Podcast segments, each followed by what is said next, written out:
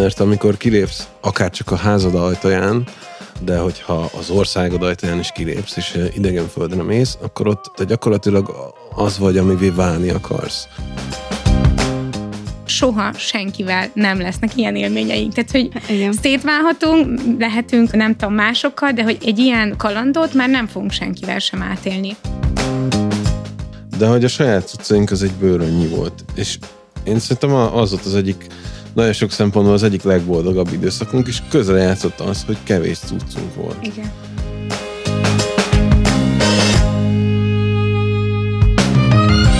Együttható. Beszélgetések, minták és kérdések párkapcsolatról. A könnyed témáktól a mélyvízig. Én Orsi vagyok. Én pedig Gergő. Indulunk. Indulunk. Kedves hallgatók, nagyon sok szeretettel köszöntünk benneteket. Itt az Együtthatónak egy következő adásában. Szintén egy izgalmas témát hoztunk a mai napon. Mi is nagyon érintettek vagyunk Orsival, ugyanis nagyon-nagyon szeretünk utazni, és azt gondoljuk, hogy a manapság szerintem azért a párkapcsolatoknak egy meghatározó része az, hogy hogyan utazik együtt a pár, és ennek a, az utazás kapcsán milyen helyzetekbe és szituációkba kerülnek és hát ez csak egy része azoknak a témáknak, akikkel a vendégeink foglalkoznak, úgyhogy ezen kívül azért még bőven bele fogunk menni más ehhez kapcsolódó, illetve ezt valamennyire érintő egyéb területbe. Úgyhogy nagy szeretettel köszöntünk benneteket Kocsis Dóri és német Edvárd. Sziasztok! Sziasztok, Sziasztok köszönjük a meghívást! Nagyon köszönjük, hogy itt lehetünk most nálatok, mert most éppen vendégségben itt vagyunk nálatok. És azt hiszem, hogy a hallgatóink közül nagyon-nagyon sokan ismernek benneteket, mert hogy a Talpalatnyi Történetek nevezetű blog kapcsán azért ti elég sok helyen nyilatkoztatok is, illetve hát nagyon, nagyon csodálatos történetek, és rengeteg mindenféle információ van fönn ezen a blogon, úgyhogy szerintem legtöbben ismeritek őket, de aki esetleg nem, azt, azt mindenképpen küldjük oda, hogy olvasgasson ezekről az elképesztő történetekről, utazás, illetve zero waste, hulladékmentesség témában. Úgyhogy egy nagyon autentikus páros ül velünk itt szemben utazás szempontból, és hát nagyon izgalommal várjuk ezt a beszélgetést. De mielőtt belemennénk kicsit részletesebben a témánkba, minden párunknak föl szoktunk tenni egy bizonyos kérdést így az adás legelején, ez pedig az, hogy meséltek kérlek egy kicsit arról, hogy ti párként most hol jártok? Hát most szeptemberben lesz, hogy tíz éve házasok vagyunk, és előtte már két évet együtt éltünk. És azt gondolom, hogy a kapcsolatunk elején lévő egy év, amikor Skóciába dolgoztunk, és az utána lévő, nem sokkal utána lévő egy év, amikor utaztunk, az uh, igazából ezt a két évet inkább 20-ra emeli föl, mert hogy 0-24-ben együtt voltunk, hát a munkahelyen is szinte, meg hát utána az utazás, utazás során ott egyértelműen, és, és hát ezt tudtuk, hogy hogyha ezt így végigcsináljuk, vagy ezt így át, átéljük és átvészeljük, akkor, akkor az nagyon erős láncszemeket fog közénk fűzni, és nem még tartanak. Igen, és most még szerintem, ami nagyon fontos, a mostani utunkban, hogy mi most lettünk szülők egy másfél éve, és azt gondolom, hogy ez egy ilyen jelentős változás. Tehát ugyan mondjuk 12 éve vagyunk, vagyunk együtt, meg egy picit több ideje ismerjük egymást az egyetemről, de hogy, hogy azért ez még egy ilyen teljesen új szint adott a házasságunknak, meg egészen más szintre emelte, úgyhogy itt tartunk most, friss szülők, talán még egy másfél éves mm, kislányjal, még egy friss szülőknek mm. mondhatjuk magunkat. Igen, hát ezt tudunk kapcsolódni, ezt pont még adás előtt beszéltük is, hogy milyen hasonló tapasztalataink, vagy éppen eltérő tapasztalataink vannak, de hogy hát sok örömet kívánunk nektek, mert ez egy, ez egy nagy út minden pár életében. És nagyon sok téma van, amikor, amikor nézegettük, hogy mivel foglalkoztok, hogy miről beszéljünk. Mi most úgy gondoltuk, hogy az utazás aspektusából közelítenénk meg azt, ami tapasztalatotok nektek van így általában a párkapcsolatról, meg, meg egyáltalán ebben a témában, de azért szeretnénk kitérni majd később több más mindenre is. Viszont akkor én ezen a vonalon indulnék el. Valahogy úgy gondolkodtam erről a, az egész témakörről, hogy azért önmagában az utazás szerintem az nem egy olyan dolog, ami mondjuk kulturálisan így nem tudom, évszázadokra visszamenőleg ott van a, az emberi történelemben, mert hogy gyakorlatilag hát szinte mondjuk az 1850-es évektől kezdve kezdett el kialakulni, hogy az ember így utazik, vagy hogy így mondjuk akár a párjával utazik, mert az, hogy előtte mondjuk vannak kereskedők, meg vannak valakik, akik azzal foglalkoztak, hogy utaztak, az egy dolog, de az, hogy a hétköznapi ember az elhagyja az ő lakhelyét, és akár ilyen ezer kilométerekre elmegy, azért én, ahogy látom, azért ez nem egy, nem egy általános jelenség. És hogy arra gondoltam, hogy esetleg innen indulni, hogy az utazás egyáltalán így, így nektek mit jelent, vagy honnan jött, vagy hogy mit ad, vagy honnan uh, alakult ez kínálatok úgy, hogy akkor ti utaztok. Hmm, hát um, már itt az elején jól belevágunk egy elég uh, éles határba, meg szakadékban, mert hogy amit így említesz, hogy mondjuk a, a század közepétől kezdődően az utazás az ilyen könnyedén elérhető, vagy ilyen nagy létszámú lett. Azt inkább úgy mondanám, hogy a turizmus azon megnőtt, de hogy utazók... Vagy a tömeges azok... utazás inkább. Tehát, igen. De igen, most, igen, ez... tömeges utazás, turizmus az, ami megnőtt, de a klasszikus értelembe vett nagyvetűs utazók szerintem már a homo erectus óta vannak ezen a bolygón. És hogy erre a saját példámat tudom elmondani leginkább, mert hogy én 19 éves koromban voltam először külföldön Bécsben, meg előtte egyszer voltam apukámmal tankolni Szlovákiában, én kisaföldre származok amúgy, és hogy azt gondolhatnánk, hogy hát én akkor így, mi, hogy 20 évesen meg már mennyi fele jártam, stb. stb. De hogy én akkor is már utazó voltam, csak én a falu határába utaztam, meg a két faluval arrébb lévő határba, és én ott jártam a mezőket, erdőket, mert akkor a, abban az élethelyzetemben ez volt adott, akkor így tudtam utazni, de én utaztam akkor is. Hm. Igen, én is azt gondolom, hogy, hogy ez a, az ilyen utazó szellemiség, vagy egy ilyen ez az utazó típusú, vagy kicsit ilyen nomád hívást érző ember, ez egy ilyen embertípus, ami mindig is volt. Ezt az is szerintem megerősíti, hogy azért a tömeges utazásban is sokan lehet hm, lehet, hogy nem is annyira szeretnek utazni, de hogy így hát nyáron elmegyünk nyaralni, és lehet, hogy nem is élvezik, fú, tök sokba kerül, nem is pihenik ki magukat, nem azt kapják, amit vártak, tehát, hogy azért nem mindenkinek való szerintem az utazás, vagy nem mindenkit tölt fel az utazás. Meg hát ugye irodalomból is tudjuk, pont ezt, amit az Edvár mondta, egy csomó regényből, hogy, hogy azért nagyon sok olyan emberről lehet olvasni, akik, akik tényleg ezek a klasszikus értelmevet utazók voltak, és ők, ők tényleg úgy járták a világot, hogy, hogy egy kicsi hátizsákkal, és, és hosszú ideig, és szerintem egyébként az, amit mi úgy keresünk az utazásban, az leginkább az ő élményeikhez, meg megéléseikhez hasonlatos. Tehát, hogy keresni a, a, az emberi kapcsolódásokat, a természetet, tehát, hogy ez az egy kicsit ilyen felfedező, szerintem egy ilyen kíváncsi és ilyen felfedező emberek azok, akik, akik így mindig is utazók voltak. Egyrészt ezt nagyon köszönöm, mert hogy valóban én is inkább a tömegturizmusra gondoltam, és hogy ez igaz, hogy maga ez a, az utazói arhetípus, ez, ez sokkal idősebb, és hogy nekem ez így még izgalmasabbá teszi ezt, hogy azt gondolom, hogy sok pár szerintem igazából nem, egyrészt nem is gondolkodik ilyenen, meg hogy inkább azért utazik, mert hogy ez a szoktuk, hogy igen, akkor nyáron el szoktunk menni valahova, vagy hogy most úgy mindenki, mindenki utazik, mert az Instagramon azt látjuk, hogy mindenki utazik, és akkor az milyen jó, hogy én elmegyek valahova, és akkor lövök egy selfit, és akkor én utaztam valahol.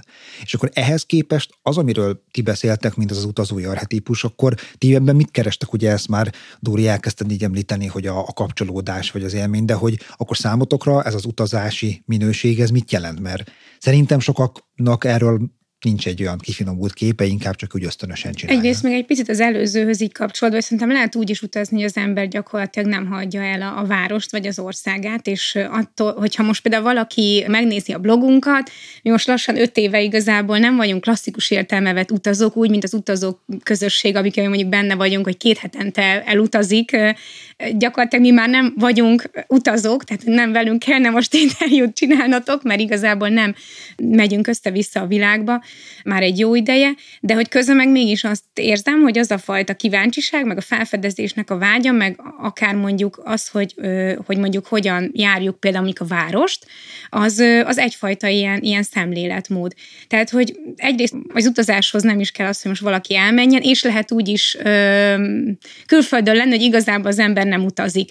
Ilyennel is amúgy sokszor találkoztunk, hogyha valaki mondjuk nem is nagyon keresi azokat az autentikus helyi dolgokat, nem inkább mindig a megszokottat, és ez semmifajta értékítélet, csak egyszerűen a mi, mi utazásunk az, az másmilyen, és ahhoz, ahhoz tényleg lehet, hogy nem is kell mindig így elmenni, a, mégis akkor is utazunk.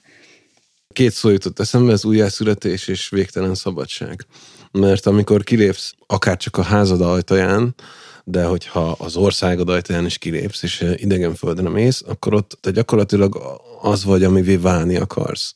És hogy nyilván, nyilván van egy múltad, meg van egy történeted, meg van egy jellemed, amit azért viszel magaddal, de hogy, de hogy le tudod vetközni azokat a dolgokat, amiket le akarsz vetni magadról. Persze nyilván ez nem azt jelenti, hogy akkor ilyen szerepeket játszasz, vagy színészkedsz, hanem azt, hogy ott rá tudsz nézni úgy az életedre, vagy akár a magyarságodra, ahogyan idehaza például nem tudsz. És ez nekem nagyon érdekes, mert én ezt akkor éreztem meg először, amikor eljöttem a falumból, és felkerültem egyetemre Pilis Csamára, hogy én nekem ott a családomnak elég hosszú története van, már jó pár száz évre visszamenőleg, és hogy ott, a, amikor beléptem az egyetemi közegben, meg egy új, új településen, akkor ott senki nem tudott rólam semmit.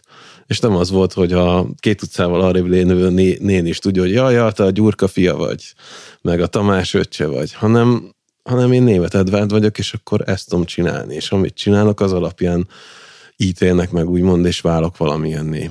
Az utazás ez mindig ezt adja, hogy akkor új emberek közé kerülünk, és ott az, hogy amit csinálsz ez egyrészt végtelen nagy szabadság, másrészt meg óriási felelősség is, hogy akkor most itt nincs az, hogy múltad meg a családod majd téged így valamiben így tart, vagy tart neked egy hálót, vagy egy burkot, hanem ahogy cselekszel, úgy fognak megítélni abban a pillanatban. Ráadásul ennek a felelősség része, ez az is, ezt pont az előadásainkban szoktuk hangsúlyozni, hogy hogy ezt nem szabad elfelejteni, hogy elmegyünk mondjuk egy olyan országban, tehát tényleg, ahol így azt se tudják, hogy kik a magyarok, de mondjuk igazából nem is magyarok vagyunk, hanem európaiak, vagy mondjuk nyugatiak. Tehát, hogy tényleg egy ilyen olyan óriási csoportot képviselünk ott a viselkedésünkkel, hogy ez egy nagyon nagy felelősség.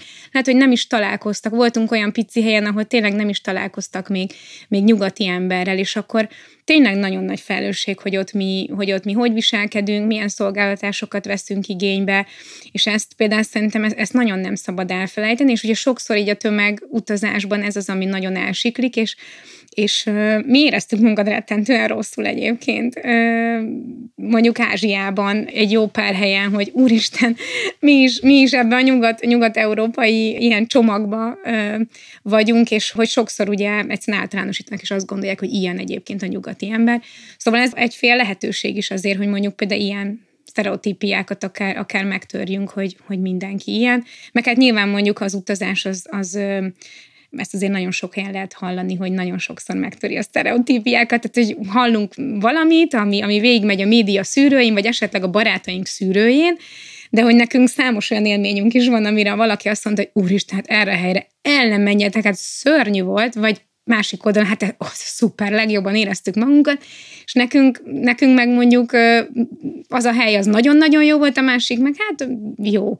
És hogy például most, most mi már nem is választunk így úti célt, így, így ajánlás alapján, mert hogy igazából tényleg így, ahogy az ember éppen akkor van, akikkel találkozik, amilyen éppen akkor az idő, abból tud le, leszűrni valamit, és, és hogyha hogy oda megyünk ilyen prekoncepciókra egy országba, akkor az nagyon erősen tudja egyébként befolyásolni azt, ahogyan ott az embereket mi látjuk, vagy, vagy kikkel fogunk éppen találkozni. És ez kicsit messzire vitt, de visszakanyarodunk, bocsánat. Egy dolog nagyon megfogott, Edvard, amit mondtál, ez a az vagy, aki vagy, vagy hogy akár le tudsz tenni olyan tudom, saját hát karakterisztikákat, vagy bármit, ahogy, ahogy mondjuk egy megszokott közegben működsz, és hogy nekem van ehhez egy ilyen, egy ilyen hát kicsit ilyen vitaindító kérdésem ehhez, hogy ugye ez mennyire jellemző az, hogy mondjuk sokak azért utaznak, hogy kicsit menekülnek az itthoni dolgoktól és hogyha nem is rátok értve ezt, de hogy én azért néha látom azt, hogy igen, akkor így, így szeretném itt hagyni azt, ami itthon van, mert itthon nem jó, és akkor az a megoldás, hogy én inkább elmegyek valahova máshova. Hogy erről mit gondoltok, vagy ilyennel találkoztatok-e? Hát, abszolút. Nagyon sok hát, ilyen találkoztunk. Szerintem, nem tudom, minden harmadik utazó ilyen, tehát hogy menekül saját maga elől általában. De hát mindenkinek vannak az életében egy ilyen korszak, amikor nem, nem tud szembenézni magával, vagy a saját jellemének bizonyos aspektusaival, vagy az élethelyzetének a nehézségével, és akkor ki az alkoholba, ki az utazásba, ki a bármilyen addiktív tevékenységben menekül, és akkor ez, ez megvan persze. És ilyenkor megoldás amúgy? Tehát, hogy látod olyat, Nem. hogy na ez segít. Nem, Aha. nem, Nem, ez nem, de- sosem megoldás, az addikció. Ez csak Megoldás elfed nem. dolgokat. De mondjuk, hogyha ha valaki mondjuk például ennek tudatában van, akkor mondjuk segíthet. Tehát, hogy egy más kultúra, egy másfajta életmód. Tehát akár, hogyha mondjuk valaki egy mondjuk egy nagyon szigorú családból jön, akkor az a fajta szabadság az adhat neki olyan muníciót, amivel, hogyha visszajön, akkor utána mondjuk egy teljesen máshogy nézi a helyzetét, tehát szerintem igen, de azért nagyon sok olyan utazóval találkoztunk, akik így évek óta lézengenek a világba, mondjuk 10x éve, és igazából olyan nagyon sokat meg nem, nem változott mondjuk a látásmódjuk onnantól kezdve, hogy, hogy, el, hogy elindultak, szóval szerintem igen, van, van ilyen is. Nekünk egyébként nem, nem menekülés volt, tehát hogy mi nagyon-nagyon terveztük azt, hogy szeretnénk egyszer egy ilyen hosszabb útra menni, elmentünk dolgozni, Skóciába félretettünk rá pénzt, tehát hogy így ez így nagyon tudatos volt, és tudtuk, hogy mi egy évig szeretnénk, tehát hogy, hogy volt egy eleje, meg egy vége a mi, mi úti tervünknek, és tudtuk azt is, hogy mi vissza szeretnénk jönni. Bár persze, miközben utaztunk, jó pár helyen mondtuk azt, hogy hú, hát hogy azért ide nagyon jó, de visszajönni, és letelepednénk, és Szóval azért volt bennünk egy ilyen, mikor hazajöttünk, hogy tényleg itthon szeretnénk-e lenni, vagy, vagy csábít mondjuk valami más. Aztán végül, mm, végül azt a döntést hoztuk, hogy mi itthon szeretnénk gyökeret ereszteni, és akkor innen így csillagtúra szerűen néha gyűjteni kalandokat, élményeket, másfajta látásmódokat, mert hogy tényleg nagyon sokat finomított rajtunk az, amit, amit ott láttunk. Tehát akár most szerintem így, így gyerekes családként nagyon sok családnál voltunk, és hogy például azt, hogy különböző családmodelleket látunk, amik ugyanúgy vagy működőek, vagy nem, azok szerintem nagyon sokat segítettek abban is, hogy e- ebben is is sokkal lazábban, vagy rugalmasabban gondolkozzunk, hogy azért nem mindig az a az a jó, amit, amit mondjuk a most a, a minket körülvevő társadalom sugal, vagy amit a védőnő mond, vagy amit a X könyvben olvastunk, hanem láttuk azt, hogy a világon hogy nevelik az emberek a gyerekeiket millió különbözőféle módon, és ugye azoknak egy csomóféle kimenete lehet, lehet úgyhogy például ezekbe, ezekhez is visszatérünk egy csomószor így, így gondolatban, hogy ott úgy miket látunk, és ez, ezt, ezt a rugalmasságot adja, és ez persze más témákban is abszolút szerintem működik, hogyha valaki ezeket úgy visszahozza és beintegrálja a saját életébe. Tök jó. Én most picit ráugranék erre a 347 napos nászútra. Ugye, ha jó, jól emlékszem, hogy ez ennyi volt nagyjából a, a nagysága, mert ez írtó menő. Tehát amikor ezt így olvastam, hogy csináltatok egy ilyet, és dolgoztok ezért, hogy ez, ez így össze tudja jönni, ez valami csodálatos. Mert hogy uh, mi korábban voltunk már egy nagyobb utazáson, Indonéziában, és ott csináltunk egy ilyen négy napos hajótúrát, ahol a dekken aludtunk így, mint a kis spagettik így egymás mellett, és ott hát hármunkon kívüli baráti társasággal utaztam, hármunkon kívül mindenki utazó volt, és ilyen minimum egy éves távlatban gondolkodva mentek jobbra-balra, főleg ott Dél-Kelet-Ázsiában, de volt, aki tényleg az egész világot bejárta. És a legtöbben olyan motivációval indultak ennek neki, hogy az életem első évét elhalasztották, hanem akkor még így, így suli után egy kicsit így világot látni, meg körbenézni, de hogy az, amennyire lejött a megbeszélésekből, meg a beszélgetésekből, az nem volt annyira tervezett, vagy ilyen, ilyen tudatos dolog. És amennyire olvastam tőletek így az írásaitokat, meg ahogy most mondtátok is, azért nálatok ez egy nagyon tudatos tervezés előzte meg ezt az egész uh, óriási nagy násztat, és erről egy picit meséltek erről a tervezős részről, hogy ti hogyan indultatok ennek neki, és hogyan terveztétek meg ezt az utat? Hát Dóri tervezte. Én Igen, ez a vittem a felosztás. hátizsákokat. hogy én tervezem az útvonalat, meg az összes ilyen logisztikát benne, és akkor az Edvard meg, meg, meg jön, és és együtt éljük át az élményeket, De megvezet, hogyha nem, hát nyilván egy csomó, csomó részt vállal be, hogy az ilyen logisztika, meg a tervezés az enyém, meg, meg elsődlegesen az, hogy ez egy ilyen egyéves út legyen, meg hogy ilyen világkörüli, az az én nagy, nagy álmom volt, és, mm. és aztán végül az Edward is így bele, belecsatlakozott a, a, az ő, ő vágyaival. Most már egyébként szerintem ez egy ilyen eléggé bevett dolog, ez a gap year. Igen.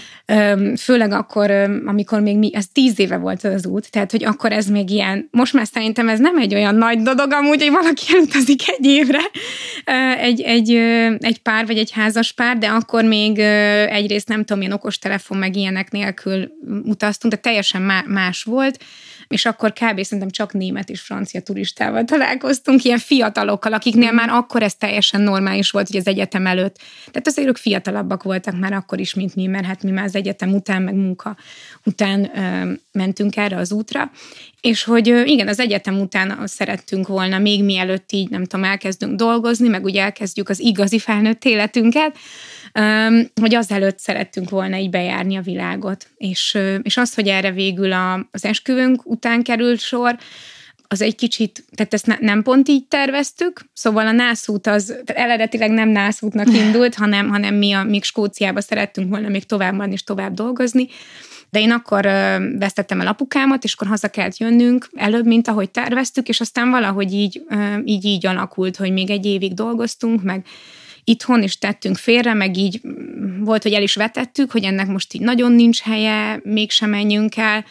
Aztán igazából rájöttünk, hogy ennek so, tehát soha nem lesz olyan ideális év az életünkben, amikor azt mondjuk, hogy most így ö, igazából mindent itt hagynánk, mert hogy mindig voltak céljaink, meg mindig volt közösségünk, mindig volt valami, amin, amin úgy dolgoztunk, szóval tényleg nem az volt, hogy elmenekültünk uh-huh. a dolgokkal, még ne, nehéz is volt kilépni. Tehát, hogy nekem például a munkámban pont egy olyan rész volt, amit én így pont így gy- gyümölcsözött volna az az egy év, az a projekt, amin dolgoztam. Én meg uh, mielőtt elindultunk délelőtt még közjegyzőnél voltam, és délután repültünk Londonba. Tehát, hogy még így, uh, szóval tényleg úgy, úgy nehéz volt itt hagyni a, a dolgainkat.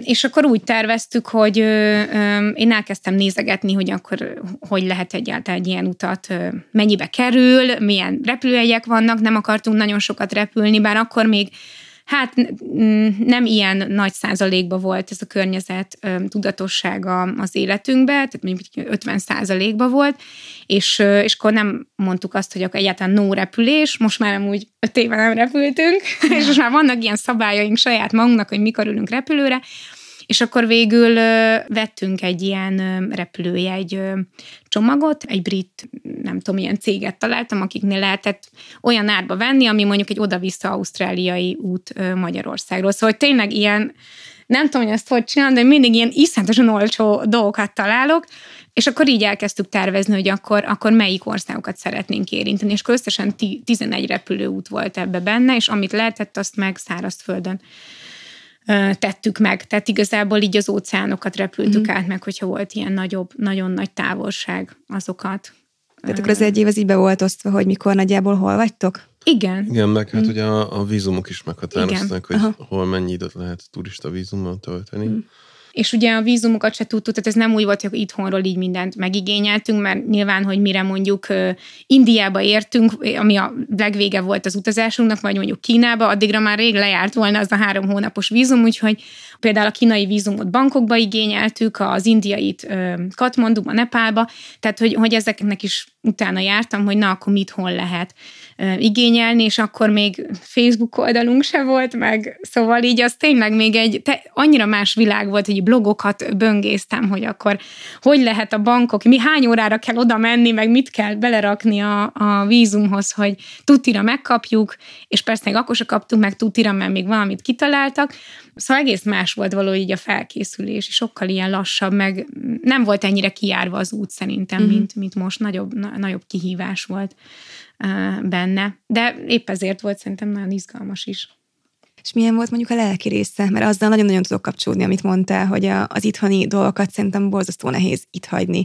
Mert én például egyetemen megigényeltem az Erasmus-t, és nem mentem ki, amit utólag nem tartok feltétlenül jó döntésnek, de akkor annyira úgy éreztem, hogy az ottani közösségem, meg a barátaim, meg így a dolgaim, azok egyszerűen így, így nem akarom őket elveszteni, és hogy ha egy évet kint töltök, akkor ugye kuka az egész, nyilván nem így lett volna, de hogy akkor így éreztem, hogy akkor így mindennek vége.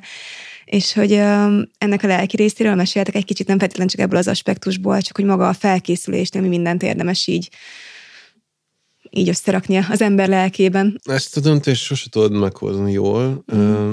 Sokat kell érte fizetni, hogy ne tudják kitáncolni belőle, és akkor felépíted úgy azt az időt. Tehát meg, az volt, hogy Ez a döntés, igen. megvettük ezt a repjebb csomagot, és akkor már vége. Tehát ezt mennyivel több, mint fél évvel előre igen. vettük meg. És onnan már nem volt és vissza, már nem, volt egy dátum. Nem, nem lehetett Jogos. vissza, és akkor viszont így volt több, mint fél évünk arra, hogy mind munkában, mind családban, mind a baráti hálóban így felkészítsük az embereket, hogy akkor el fogunk menni egy évre körülbelül. És egyrészt az egy év, az tökre nem sok. Mármint, hogy így igazából egy év alatt persze nagyon sok minden történik, és amikor visszajöttünk, akkor nagyon éreztük, hogy egy nagyon sok mindenből kimaradtunk, és kellett három, három hónap legalább, amíg úgy visszatértünk mondjuk a baráti, meg családi nem tudom, így, így áramlásra, meg, meg megszoktuk azt is, hogy megint itthon vagyunk, de hogy úgy igazából tényleg annyira sok mindenről nem marad le az ember, mint ahogy előtte gondolja, hogy úristen, ez egy év, vagy, vagy mondjuk, hogy milyen intenzív volt számunkra egy év. De egyébként meg mi az, azóta is ugye utaztunk már hosszabban, és, és egyébként ez a másfél-két hónap, az nekünk például azt gondoljuk, hogy az, az a legideálisabb, tehát az, az a hosszúságú idő, amiben már el tudod magadat engedni, és megvan ez a fajta kilépek, szabadság, tényleg önmagam vagyok, meg tudok ismerni egy kultúrát egy kicsit jobban, tehát hogy most már például sokkal inkább egy helyre szeretünk koncentrálódni, és nem, nem tudom, így, így több helyre menni, hanem akkor az az idő, ami, ami alatt így meg lehet ismerni, de hogy még nem olyan hosszú, hogy mondjuk egy, akár egy munkából az egy akkora kiesés legyen. Főleg, hogyha mondjuk így karácsony után megy el az ember, a kb. februárig amúgy sem történik általában sehol semmi, úgyhogy mi most már az utóbbi három utazásunk, négy utazásunk, az mindig így volt, hogy decemberben elmentünk, és akkor február közepén jöttünk vissza, és kb. észre se vette senki, hogy elmentünk. Ja. Úgyhogy lehet szerintem ezt így hmm, így szervezni. Mm. Ezt mondtad, hogy nem az első, vagy mondtad, hogy nem az első utazás volt, ez nagyon-nagyon hosszú. Akkor már ezek szerint a kapcsolatotok elején is volt olyan, hogy együtt hosszabb időre elmentetek? Vagy mikor volt először az, hogy egy ilyen hosszabb idő? Hát ha, ha a Skóciát annak veszük, mert Aha. amúgy én annak veszem, mert hogy ott külföldön éltünk, és amúgy a szabadnapjainkon elég sokat jártunk, keltünk ott a környéken, mm. de olyan jellegű, meg hosszúságú utazásunk nem volt előtte. Nem voltunk nyaralni együtt előtte. Tehát nekünk tényleg ez volt az első utazásunk együtt tehát, hogy se, ilyen klasszikus egyhetes nyaraláson se voltunk, hanem volt a, a munka együtt, a skóciai, és, és akkor azután, tehát ezután az egyéves út után utaztunk még többször így hosszabban.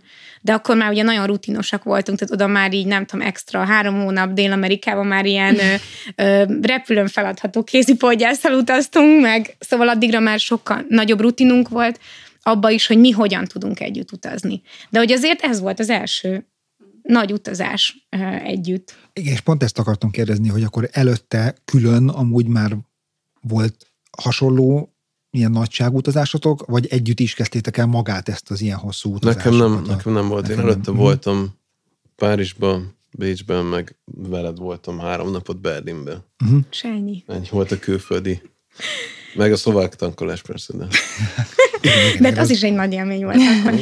Én igen, én, én előtte az egyetem alatt benne voltam egy nemzetközi diákszervezetbe, és én nagyon-nagyon szerettem utazni, úgyhogy én, én amikor csak lehetett, mind, a vizsgai időszaknak minden vizsgát az elejére raktam, és akkor rögtön már mentem, ott mondjuk ilyen projektekkel dolgoztunk, meg pályázatokat csináltunk, és nekem az első Európán kívül utat, utam az Dél-Afrika volt, és az volt az egészen az útig az egyetlen ha mondjuk Törökországnak az ázsiai részét nem, nem számoljuk, akkor ez volt az első utam nekem is Európából, ezt a Dél-Afrikát leszámítva, ami egy ilyen mm. tanulmányút volt, egy két hét. Úgyhogy igen, ez, ez volt így a... Tehát olyan szempontból nekem már, mint az utazásban volt tapasztalatom, tehát azért is csináltam én az a foglalás, pakolás, nem tudom, ilyesmiket, az ilyen logisztikát, mert hogy egyrészt én szeretem is ezt csinálni, másrészt meg, meg nekem volt ebbe tapasztalatom, hogy én csomószor utaztam egyedül is, tehát így vonattal Európába mindenfele. Na, én nagyon szeretek a mai napig is egyedül utazni, hogyha lehet majd valamikor, akkor még ha lesz rá lehetőség, én nagyon szívesen utazok egyedül is. Mm.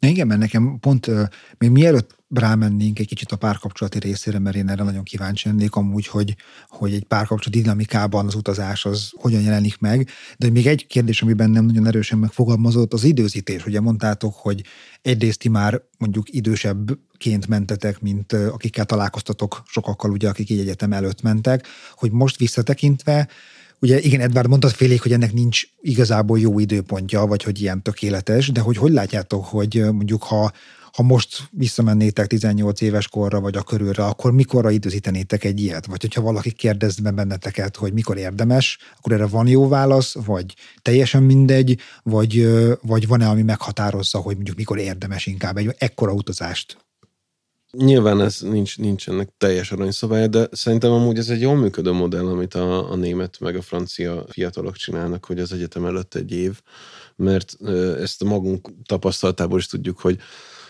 nagyon, nagyon rossz szerintem a felkészítés az oktatási rendszerben, hogy akkor mit is fogsz te az életeddel kezdeni. Hmm. Tehát, hogy én meg voltam győződve, hogy én középiskolai tanár leszek. Volt egy idő, amikor azt hittem, hogy egyetemi szintig is eljutok, és kutató leszek, de aztán rájöttem, hogy ahhoz nem vagyok elég precíz és szorgalmas, de hogy így az egyetem negyedik, harmadik, negyedik évéig úgy tűnt, hogy a tanár az egy ilyen megbecsült és, és nívós állás, és hogy ez micsoda szép szakma. És akkor, akkor ugye a vége felé szembesültem, hogy ez, ez nem fog működni. Nagyon sokféle szempontból. És ebből a szempontból szerintem sokkal jobb az, hogy az egyetem előtt elmennek egy évre, és akkor meglátják azt, tehát mi is, amit meglát, tapasztalhatunk, egyik fő tapasztalat, hogy gyakorlatilag bármivel kezdhetsz. Nincs olyan, hogy most ez jobb, vagy nem jobb, vagy most ez egy presztízs, vagy nem presztízs, hogy mit csinálsz. Az a lényeg, hogy amit csinálsz, azt csináld jól. És hogy, és hogy merjél próbálni dolgokat, akár, tehát azt gondolom, hogy a mai világunkban ráadásul a rugalmasság az egyik legnagyobb érték, hogy, hogy tudunk adaptálódni az igényekhez, meg a lehetőségeinkhez, és ezt nagyon megtanítja az utazás.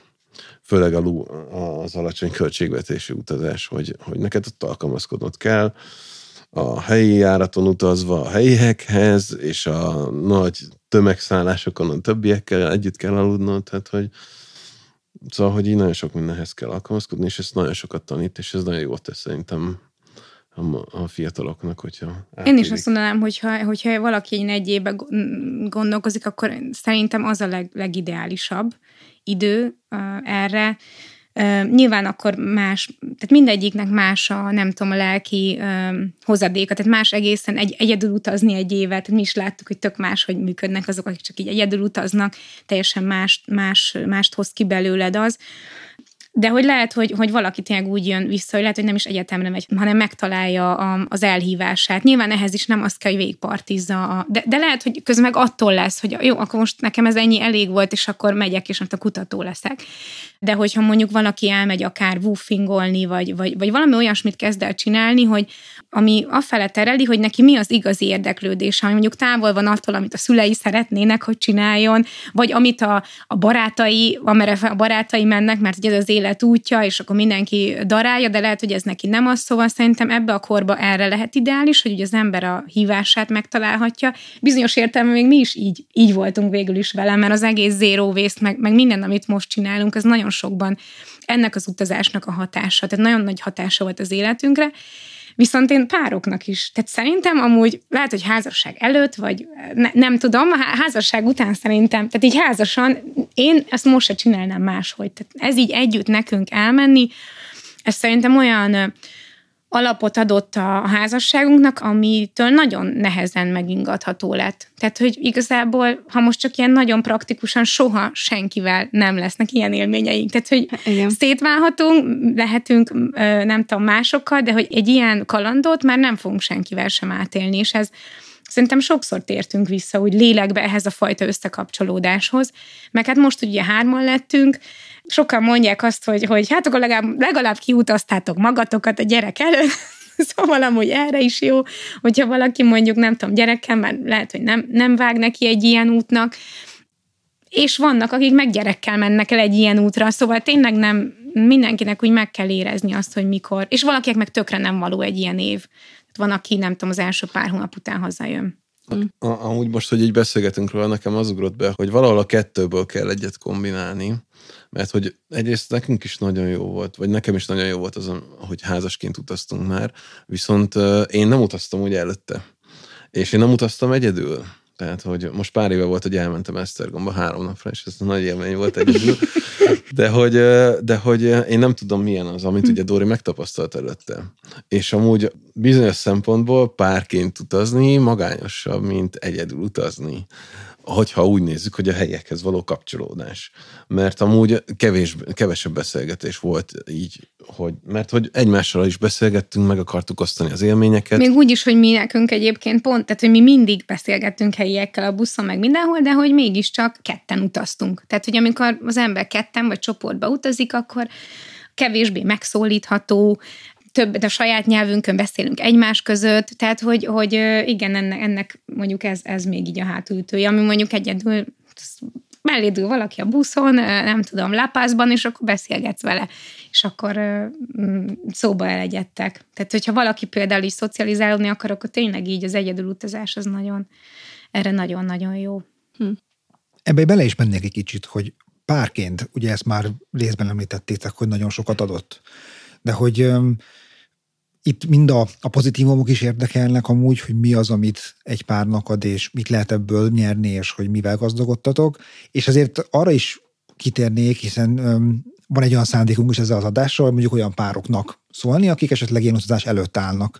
Vagy akár olyan élményük van, hogy utaztak, de nem, nem volt jó, mert, mert tele lett konfliktussal.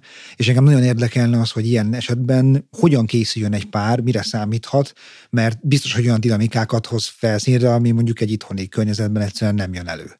Nektek mi az, ami beúrik erről így, így első körben, vagy a legfontosabb üzenetekként? Hát Egyrészt szerintem mi, mindenképp előhoz gyorsabban olyat, ami itthon is kiderülne, csak lehet, hogy később. Mm. ez ez igen, egész igen. biztos. Igen, tehát még, még lehet, hogy azokat a dolgokat 3-4-5-10 évig lehet a szőnyeg alá söpörni, az utazás során ez kijön két hét alatt. Uh-huh. Mert hogy hát folyamatosan határhelyzeteken táncolunk ott, főleg úgy, ahogyan mi utaztunk, tehát hogy sokszor stoppal, meg helyi busszal, meg azt se tudtuk, hol vagyunk, meg rá kellett hagyatkozni idézőjelbe vadidegen emberekre. És a másik rész, ami nekünk szerintem nagyon sokat adott, hogy ugye mi couchsurfingeltünk szinte végig, és hogy azért megvolt az alapvető értékrend, meg világnézeti közösség kettőnk között, és hogy, és hogy ezt tudtuk, hogy bármi van közöttünk, bármilyen szarnapunk van, nem mehetünk úgy oda a szállásadónkhoz, aki befogad az otthonába, a családja légkörében, nem mehetünk úgy oda, hogy puffogunk, vagy nem szólunk egymáshoz, mert hogy ez ugye idézőben ingyen van ez a szállás, de itt azzal fizetsz, hogy megosztod vele a történetedet, hogy megosztod vele a személyedet, hogy mesélsz a hazádról, Európáról, Magyarországról, stb. És hogy oda úgy kell oda menned, mint amikor kiállsz és tartasz egy prezentációt, úgy mondtad, hogy százszázalékosan kell oda menned, mert ez egy kulturális értékcsere. És hogy volt, amikor nem tudom, még előtte három perccel idézőjelben ordítoztunk egymással, de ha odaértünk az, a kapuhoz, akkor, akkor ezt le kellett tenni, és ki kellett békülni, és meg kellett csillantani egy picit a szeretetet egymás felé, hogy igen, szeretlek, és veled vagyok, mert úgy kellett belépni az ajtón, hogy mi ott azt nyújtsuk, amit, amit az értékünk szerint, vagy a, a saját elvárásunk szerint nyújtani kell egy ilyen helyzetben. És hogy, hogy egyszer muszáj volt kifejlesztenünk egy olyan eszközkészletet, ami az ilyen helyzetekben gyorsan működik, hogy mi ezt hogyan tudjuk kibeszélni, hogy, hogy tényleg őszintén elmondjuk egymásnak gyorsan, hogy, hogy, hogy mit értettünk az alatt, vagy, vagy hogy egyszerűen az első három hónap volt szerintem ilyen szempontból nehezebb, amikor úgy egymásra hangolódtunk, meg, meg amikor elfogadtuk azt, hogy igen, van olyan, hogy a másiknak egy nehéz napja van, és bármit mond bármit mondunk, az igazából nem neki szól, hanem az a helyzetnek, ami van, vagy, vagy a körülményeknek, vagy a fáradtságból jön, és hogy erre így finoman ráhangolódni, hogy mikor van az, aminél tényleg az van, hogy egyszerűen, és pár perc múlva azt mondjuk, vagy egy óra múlva azt mondjuk a másiknak, hogy, bocs, most ez, tehát hogy ez, ez nem rólad szólt, hanem ez arról, hogy most nagyon fáradt vagyok. És hogy pont ami miatt, amiatt, hogy egyrészt ez a couchsurfing volt, meg mondjuk meg kellett oldani a helyzetet, tehát valahol kellett aludni, meg, meg enni kellett, meg, meg nem tudom, el kellett jutni A-ból B-be, nem az, hogy én kiszállok a buszból, és ott hagyom, és majd meg a következő busszal, ilyen nem, tehát hogy tényleg ez a fajta összezártság, ez tényleg azt adja, hogy meg kell oldani, ki kell fejleszteni valami olyan eszköztárat, amivel a konfliktusokat meg lehet oldani, úgyhogy abban mind a ketten jól érezzük magunkat, és még a körülöttünk levők is, és ne, ne rakjuk át rájuk, és szerintem ebbe, tehát ha ebbe adott a legtöbbet szerintem a kapcsolatunkba. Hmm. És ez, ez, ez tényleg annak köszönhető, hogy nem az volt, hogy szállodáról szállodára mentünk turista buszba, hanem tényleg rá voltunk kényszerítve arra, hogy, hogy, hogy ezeket megoldjuk ebben mindenképp. Illetve Sőt. még ami szerintem nagyon izgalmas, hogy nagyon más nekünk a ritmusunk. Tehát, hogy, hogy én egy ilyen sokkal, nem tudom, egy ilyen, ilyen gyorsabb, meg, meg, meg többet akaró ember vagyok, vagy voltam, szóval mindegy, szóval nagyon más a ritmusunk, és az Edward meg, meg, meg egy sokkal ilyen, ilyen lassú, elmélyültebb, és hát na ez az utazásban, Igen. én egy ilyen, emlékszek, a New Yorkban megérkeztünk így az első három nap, tehát hogy egy évig utaztunk, szóval az első három napban terveztem olyan programokat, hogy így az Edvár mondta nap végre, jó, ezt, ezt így egy évig nem csináljuk. akkor most elmegyünk holnap a Central Parkba, és akkor ott vagyunk egy fél napot, és fekszünk a fűbe. Én meg így, de hát még ott van egy csomó dolog, amit ne akartunk nézni. Szóval innen indultunk. és aztán végül összecsiszolottunk. Én is sokkal jobban lelassultam, megtanultam értékelni azt a fajta szemléletmódot, azt a fajta, nem tudom, látását a dolgoknak, ami az övé, megtan az értéket, az Edward is abban, ami, a, a, ahogy én látom a dolgokat, szóval, hogy sokkal izgalmasabbak és érdekesek lettünk szerintem egymás számára összecsiszolódtunk ebbe. Igen. De jó. Az jutott csak eszembe, de hogy nyilván ez a, az előfettel igazából annak, amit, amit mondtok, hogy ha jól értem, ugye pont emiatt a nem összezártság, de összekapcsoltság miatt gyakorlatilag az állarcokat nem nagyon lehet fenntartani egy idő után, sőt, nagyon gyorsan nem. Tehát, hogy a, egy pár számára az is adhat, hogy nyilván otthon mondjuk nagyon sokáig tudom azt, amit, amit mondtál is, Edward, nagyon sokáig fent tudok tartani mondjuk olyan nem is láthatott, mert nem megtéveszteni akarom a másikat, de mondjuk, hogy én mindig a jó arcomat mutassam, mindig a türelmes arcomat mutassam, hogy mindig úgy, úgy álljak hozzá, hogy na, akkor, akkor egy jó képet adjak magamról, és hogy ha meg folyamatosan együtt vagyunk, és nagyon intenzív helyzetekben vagyunk benne, akkor ez így, akkor nagyon gyorsan ez így kvázi lehull. És akkor onnantól kezdődik pontosan ez a valódi összecsiszolódás, ha jól értem. Igen, meg hát nem meg lehet úszni egy csomó mindent ilyen hat, nagyon erős határhelyzetek nélkül is. Tehát, hogyha úgy nem tudom, mindenkinek van egy kvázi jó munkája, meg úgy jól el vagyunk, van egy baráti körünk, akkor mondjuk nem tudom, nincs egy olyan helyzet, hogy mondjuk Indiában, amikor ott voltunk ö, ö, egy ilyen kicsi indiai városba, és akkor ott hirtelen meghallottuk egy, egy, az utcán, hogy el fognak kezdeni sztrájkolni a, a buszosok, és nekünk el kellett volna jutnunk egy tök messzire levő egy másik államba, és akkor azonnal eldönteni, hogy jó, akkor most vissza a szobába összepakolunk, és akkor egy ilyen óriási ilyen katyvaszott a buszállomáson, és, és akkor nyilván az egy annyira felfokozott helyzet, amiben, amiben mind, egyikünk sem érzi a stabilitást, más megoldásokat javaslunk, és tehát, hogy ilyen hmm. helyzetben lehet, hogy nem, nem kerülünk, és hogy én nem tudom, én fel akarok szállni az utolsó ilyen nagyon durva indiai buszra, amin így a földön tudtunk ülni, és akkor az elvár meg azt mondja, nem, megnézzük, várunk egy másikat, és tehát, hogy, hogy olyan, tényleg olyan ilyen, ilyen ez innen most nem hangzik olyan nagyon durván, de hogy éjszaka Indiában egy X városba vagy, ahonnan nem tudod, hogy még két hétig kijutsz-e, hogyha most nem jutsz el. Tehát, hogy lehet, hogy ilyen, ilyen szintű határhelyzetek lehet, hogy nincsenek még sokáig. Ebből meg van nagyon sok.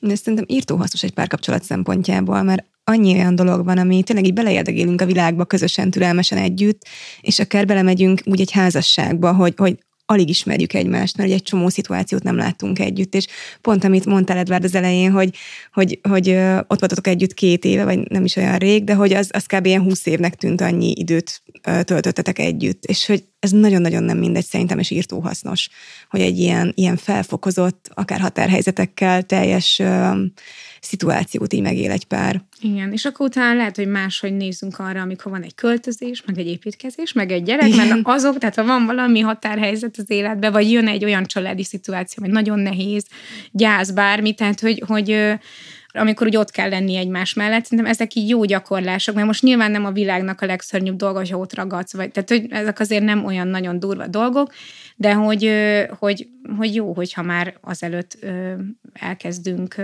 dolgozni ilyen eszközökön, mm. meg a kommunikáción, mielőtt mondjuk tényleg jönnek az ilyesmik, az első gyerek, a Igen. költözés, a nem tudom. Hát nekem ez nagyon nagy biztonságot adott, amikor mi közösen utaztunk, és volt egy-egy olyan helyzet, amit meg kellett oldani, és láttam, hogy te Gergő hogyan működsz ilyenekben, és akkor én nagyjából már biztos lehettem abban, hogy ha ez nagyobban megtörténik máskor, akkor kb. hogy fog ez a dolog kinézni, mire kell mondjuk a kettőnk dinamikájában odafigyelni, hogy ez, ez jól működjön, és hogy szerintem ez, tehát nekünk azért ez borzasztó fontos volt. Hát igen, meg a, meg a szerepek megfogalmazásában, és ezt akartam is kérdezni, hogy egyrészt, hogy vannak-e nálatok ilyen szerepek, meg hogy ezek mennyi, ha vannak, akkor mennyire vannak kimondva, és uh, például nálunk az, az elég gyorsan kiderült, hogy Orsi a kommunikátor, tehát hogy ő az, aki könnyen oda megy valakihez, és akkor tök ismeretlenül valamilyen nyelven vagy nyelv nélkül kézzel, lábbal ő így ezt kapcsolatot teremt, és egyrészt eleinte ez nekem úgy tök nehéz volt, mert hogy hú, hát mit tudom én, nekem kéne biztos, mert én vagyok a nem tudom a férfi, és akkor majd így meg úgy, de hogy tény, hogy én nehezebben létesítek kapcsolatot, és utána viszont azt láttam, hogy ez annyira működik, hogy igazából mi ezt így itthon is hazahoztuk meg, meg, tehát itt ki van mondva, hogy jó, ha valakit fel kell hívni, akkor általában így nagy szemekkel ránézek Orsira, hogy fel tudnád hívni, és akkor ah, persze, mert neki vagy ez könnyebben megy. Szerintem tök sokat adott a kapcsolatunkban, hogy ezeket meg tudtuk fogalmazni, hogy oké, okay, akkor így meg úgy, de például a, a, az még ilyen útvonaltervezés, meg ilyesmiben már az ilyen fele-fele, nem tudom, amikor a Augsburgba mentünk, azért az egy elég erős volt, hogy melyik irányba indul el a vonat, és hogy valahogy... elnéztem. Igen, valahogy háromszor is nem arra fele szálltunk, vagy mentünk, és akkor ott azért egy idő után már nekem is felment a pumpa, hogy de hát ott a térkép, vagy itt, hogy, hogy vannak ilyen, ilyen dolgok, hogy nálatok, nem tudom, van-e ilyen, vagy volt-e ilyen, és hogy ezek mennyire adtak hozzá a kapcsolathoz? Vannak. Dóri tervezi az útvonalat. és Edvard most már olyan szinten rám hagyatkozik, hogy ez az utazásunkra, amire most megyünk majd egy végre egy hosszabb utazás két hét múlva, hát azt mondta, hogy nem is érdekli az útvonal. Menjünk oda, amerre szeretnék, és... Igen, igen, mert hogy amit mesél Dóri is, hogy én olyan vagyok, hogy én még most is itt el tudok nézelődni az utcákba, úgyhogy teljesen jól érzem magam, és úgy érzem, hogy utazok, mm. ahol lakunk tíz éve, mert hogy én el tudok merülni így az apró részletekbe. Ez nem jelenti azt, hogy én nem vágyok más vidékekre, vagy nem megyek ezt szívesen a hegyekbe, vagy egy másik országba, de hogy én ott sem, a, szóval, hogy ott is más, ott is így leragadok a részletekbe, és akkor én azzal, én inkább a hangulatokat keresem bárhol, ahol vagyok. Mm. És ugye az, ahhoz nem kell nagyon hosszú utakat megtenni. És hogy Dóri pedig szereti ezt az ilyen befogni az egész távlatot a, a lendületével és a, és a lelkesedésével. És akkor ezt a kettőt ugye csiszoljuk össze. De amúgy Dóri is ilyen, tehát hogy ő is bárhova elmenne. Tehát, hogyha, hogyha most így azt mondanád, hogy itt van füzetem, akkor mondaná, hogy nekem mindegy, mondjad, hova menjek, és megyek oda. És hogy bárhol vissza is mennénk szerintem, ahol voltunk. Talán csak Szurabajában nem, de hogy... De még oda is vissza. Nem, még oda is. Na mindegy. És hogy... Mm, igen, de amúgy ilyen praktikus része az, az hogy az érdekes volt, hogy az elején a Dórinál volt a pénz meg a, az útlevél, és nagyon gyorsan rájöttünk, hogy ez nem jó, hogyha nála van, mert sose találtuk, hogy most melyikre kezd be. És nekem se jó ez a fajta felelősség, viszont az Edward meg... Viszont én ebben penge vagyok, tehát nekem a táskám az egy szent terület, oda Dóri be se nyúlhat, de ott mindig minden úgy van, ahogyan én beraktam, és ott van. Igen, és ez például tök érdekes, hogy azt gondoltuk az elején, hogy ez, hogy ez úgy lesz, hogy ezekre inkább én tudok figyelni, és hogy tökre nem engem frusztrál, és hogyha nálam van, nem tudok rá figyelni, az is frusztrál, ha nem találjuk, és hogy az Edward ebben sokkal-sokkal jobb. Tehát volt, amire egyszerűen így jöttünk rá. Akkor például a pakolás volt olyan, hogy, hogy, hogy az Edward így mindig mondta, hogy hát ez már nem fér be, és mondom, Edward még háromszor ennyibe fér. Nem, nem fér be. És akkor és akkor a pakolás az, hogy azt én tökére fejlesztettem, és akkor utána az Edward meg így, meg, meg, meg utána már így pár perc alatt be tudod pakolni. Tök De gyorsan. jó, az egy éves után végigvittünk egy merülő vízforralót. Jó. jó. És azt én cipeltem. jó, az egy ilyen, volt egy felesleges tárgyunk, igen. Iszonyat kicsi és alumínium volt, de de, hát, de, de igen, azt, azt végigvittük úgy, hogy szerintem egyszer használtuk az egész utazás alatt. De, és akkor például mondjuk, hogyha olyan vagy vezetés, akkor, akkor, akkor szinte mindig az Edward vezet. Um, mi van még, ami ilyen, ilyen szerep? A, a kajáról szoktunk vagy közösen, vagy én inkább gondoskodni. A szállásokat, azokat az elején én kerestem, vagy hát így a szállásadókat. Például az, hogy az elején én kerestem, és ugye a couchsurfing azért egy sokkal energia és időigényesebb az, hogy, hogy mert mi tényleg végignézzük, hogy ki az, kik azok, akikkel úgy azt érezzük, hogy rezonálunk, ők is jól éreznék magunkat velünk, mi is jól éreznénk magunkat velük. Mi nagyon sokszor mentünk ilyen idős, tehát ilyen 80 éves párokhoz is, meg, meg családokhoz. Tehát rájöttünk egy idő után például nekünk az, hogy ilyen partizós 20 évesek nem, nem a mi világunk, se nekik, se nekünk nem, nem annyira komfortos, Szóval, hogy, hogy az elején például azokat én csináltam, és azt hiszem, hogy a végére már, már, már például azt az Edward jobban át, átvette, hogy akkor így megnézte, hogy akkor kik legyenek azok, akiknek írunk. Úgyhogy nem is tudom, még Igen, meg ez a más 40 szerep pluszos házas párok általában tisztábbak, mint a Igen. 20 éves partizó gyerekek, főleg amúgy az USA-ban, vagy akár a, Hát, a, is. akár a nyugati területeken. És, és hogy igen, tehát hogy, hogy ilyen, vannak ilyen pót nagymamáink, meg pót nagypapáink világszerte, és akkor Meg olyan jókat lehet velük beszélni, belelátnak az ottani politikai életbe, tehát hogy, hogy tényleg olyan, olyan, olyasmiket lehet tőlük megtudni, amiket, amiket amúgy nem tudnánk, mert hogy van egy élettapasztalatuk, tök izgalmas életük, elvisznek minket, megosztják velünk, nem tudom, a kedvenc kis éttermüket, elvisznek kirándulni, tehát tényleg olyan nagyon-nagyon jó velük lenni, úgyhogy hát szerintem így körülbelül ilyen szerepek van. Nem tudom még most, most hogy így hirtelen mik vannak még. töltőket is én Töltő, viszem, igen, tehát minden, amire arra, vigyázni hogy a kell, az az Edward is Igen, töltve. meg hogy így meglegyenek a például leszállunk egy buszról, akkor az Edward nézi végig, hogy minden ott van-e. Én így hajlamos vagyok így elhagyni dolgokat. Úgyhogy az Edward néz végig például mindent egy szálláson, hogy, Igen. hogy megvan-e. Ezt jó, hogy mondjátok, ezt lehet, hogy nekem is ki kéne szerveznem ezt a telefontöltés dolgot. Ja, vagyok. most itthon is simán megoldja azt, Itt- hogy mindig, is, mindig igen. éppen, hogy nem, nem nincs lemerülve. Van három vagy négy töltő mindenhol, és nem megy. Igen. Ha, ha nem értetek egyet amúgy, tehát hogy van arra valami fixen megoldás, vagy egyszerűen azt így mindig helyzetfüggően lekommunikáljátok, vagy tehát amikor tényleg mondjuk máshogy gondoltok adott szituációhoz megoldani, és ahogy mondtad, Dóri, hogy azért ilyen előfordulhat könnyen, hogy mondjuk máshogy döntenétek, hogy mostanában ezeket hogy rendezitek? Mostanában? Mostanában? Vagy hát most- el igen, tudjuk mondani a legdurvább igen. rendezést. Nem, jogos, jogos, hogy az utazás alatt alapvetően, bár lehet, hogy aztán azon kívül is átment, de így igen, az alapvetően utazás alatt. Én nem, tehát hogy egy-két konfliktuson kívül nem annyira emlékszem arra, hogy ez, a, ez az indiai ez nem- nem eset volt, Ja, ja, ja, ami tényleg ilyen, ilyen vészesebb konfliktus volt, az volt, hogy Dóri bepánikolt ott, hogy nem jutunk ki onnan, és ő utálta ezt a helyet, mert hogy volt egy nyomasztó hangulata, azt valljuk meg, De ennyi és ott nyomasztó ráadásul volt. hárman voltunk, tehát akkor egy barátom kijött hozzánk, és akkor hármasba utaztunk egy hónapig Indiába, és, és hogy az volt, hogy tényleg így az éjjel 11-kor ott vagyunk a buszpályaudvaron, ahol minden hindiul van kiírva, senki Mindenki nem akar rendesen ordít. angolul beszélni, Igen. mindenki kiabál, és akkor, hogy vala, na, kisilabizáltuk, hogy innen megy ez a busz, ahova menni akarunk, de hogy egy olyan busz volt, ahol így az ablakon másztak már be a helyiek, meg a tetőn ültek, meg mit tudom, és akkor Dóri mondta, hogy szálljunk föl, szálljunk föl. Nincs az Föl is Isten, hogy- igen, én az, felszálltam. a, nincs az, az. Isten, hogy én ide felszálljak, és így utazzak négy órát, hogy öt kínai van a hónom, vagy ö, indiai van a hónom alatt, és hogy meg se tudok mozdulni. De hogy izé, nem csinálhatjuk ezt, meg izé, nem szabad, meg, meg csak itt állunk, mint a hülyék, meg nem tudom, hogy teljesen be volt Dóri pörögve. És addig ment ez, hogy, hogy fogtam és leburítottam a kulacsommal a Vízzel. fejét.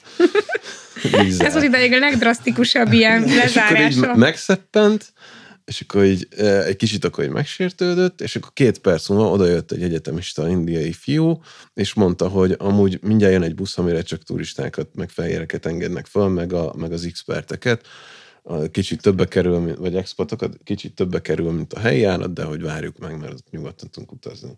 És 15 perc múlva felszálltunk egy légkondicionált, kényelmes buszra. Mondjuk, lehet, hogy nem volt rajta, de hogy ilyen indiai viszonyokhoz képest egy sokkal Egy luxus busz volt Igen. indiai.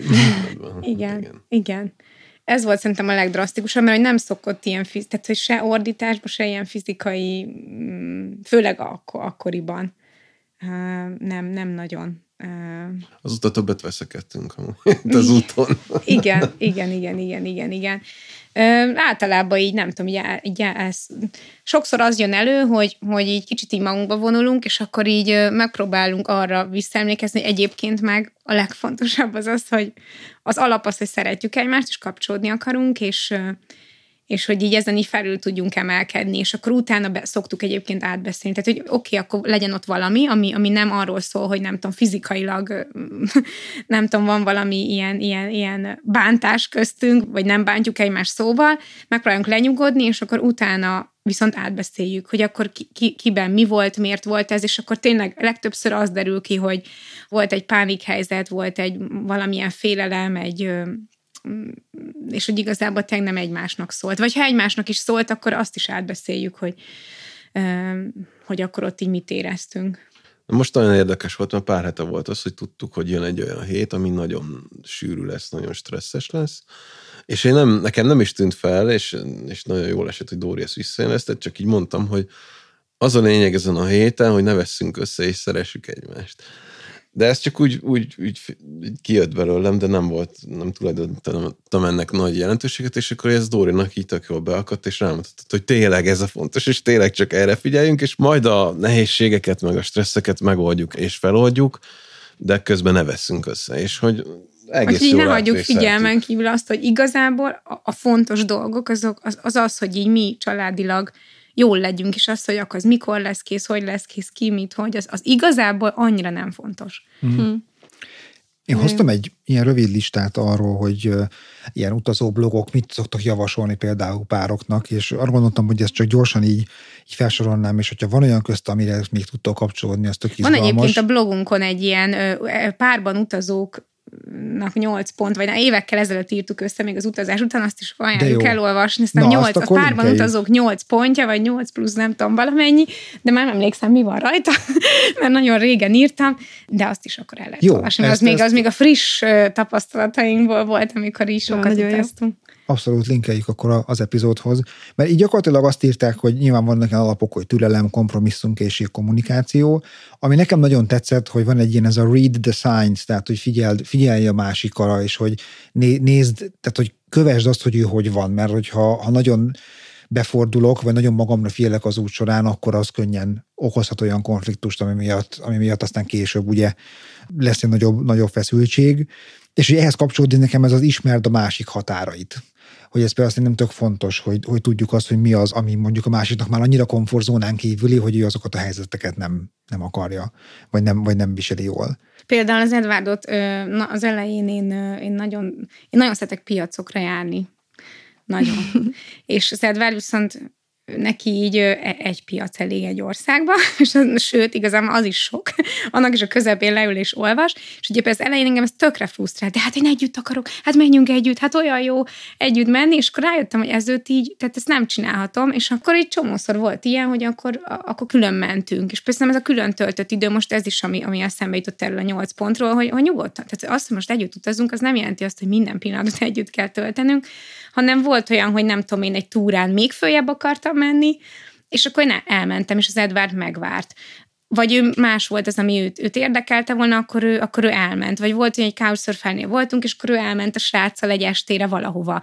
Tehát, hogy nem feltétlenül kell azért így összeragasztva lenni, meg tényleg nem biztos, hogy, hogy minden mindegyikünket érdekli. És ez tök, tök oké, okay. ez nagyon jó, hogyha ezt így konfliktus nélkül lehet főleg egy ilyen hosszú utazáson azt, hogy most egy napot vagy kettőt másfele megyünk, vannak, akik egy hónapra is akkor külön mennek egy ideig, és utána találkoznak egy bizonyos ponton, ezek mind tök jól tudnak működni. Most olyan jó, hogy behoztad, mert ez nekem is az egyik kedvenc témám, hogy az én idő, így az utazáson belül, és mert én nagyon-nagyon sokáig úgy gondoltam, hogy ha együtt valahova elmentünk, akkor az együtt van, és akkor most akkor menjünk, ha fáj, akkor is megyek, mert hogy együtt kell lenni. És hogy baromira nincs így. És amikor Gergőre utaztunk először egy hosszabbat, azt hiszem az egy három hetes út volt, akkor akkor az például volt, hogy egy hétvégét külön töltöttünk, mert Gergő azt mondta, hogy neki most arra van szüksége, hogy leüljön a, a kis kunyhóban, és olvasson, és békében legyen a, a gekkókkal, meg az egyebekkel. Én meg nagyon éreztem a bugit, hogy jó, nekem viszont mennem kell, mert ott a sziget, meg ott vannak dolgok, és hogy annyival jobb volt így, hogy én is mehettem, csinálhattam azt, amit akartam, én is boldog voltam. Gergő is tök boldog volt a gekkókkal, meg a könyveivel, és hogy nem, nem az volt utána, hogy három napot végig szenvedtünk, hanem mindketten töltöttünk a dologból, és, és sokkal jobb volt utána az együtt töltött további idő is. Úgyhogy ez fú, igen, igen. ezt kétre lehúzom. És ez, és ez idő, amíg szerintem ez kialakul, hogy ezt elfogadjuk. Mert az Edward az elején szerintem jött velem. Meg én is mentem vele olyanra, ami vagy leültem így tök hosszú ideig, és így Edward, mikor indulunk? Legszesen, hogy mindig megkérdeztem volna, mm. és, és hogy így ö, aztán így meg, megengedtük ezt egymásnak, és utána egyébként tök érdekes, hogy most például már sokkal szívesebben csináljuk a másiknak is a... Tehát, hogy most már úgy, úgy engem is mondjuk érdekel, hogy neki például abban mi a jó, mi tetszik, tehát, hogy annak is van akkor utána tere. Tehát ilyet is lehet csinálni, utána elmegyünk, és egy kicsit mondjuk a határainkat kitoljuk, csak, csak közben tudjuk azt, hogy egyébként meg egy megengedés van abban, hogy, hogy a másik is azt csinálja, amit ő szeretne. Igen, és ez tök fontos, hogy, tehát, hogy ez nem arról szól, hogy ne szeretnénk ettől egymást, hogy nem állandóan együtt vagyunk, hanem ez pont tényleg, amit Gergő is mondott, hogy a másik határainak, meg az egymásnak a tiszteletben tartása, és ez tényleg többet ér szerintem, mint, mint adott esetben így egymás nyakálóni folyamatosan boldogtalanul egy-egy szituációban. Igen.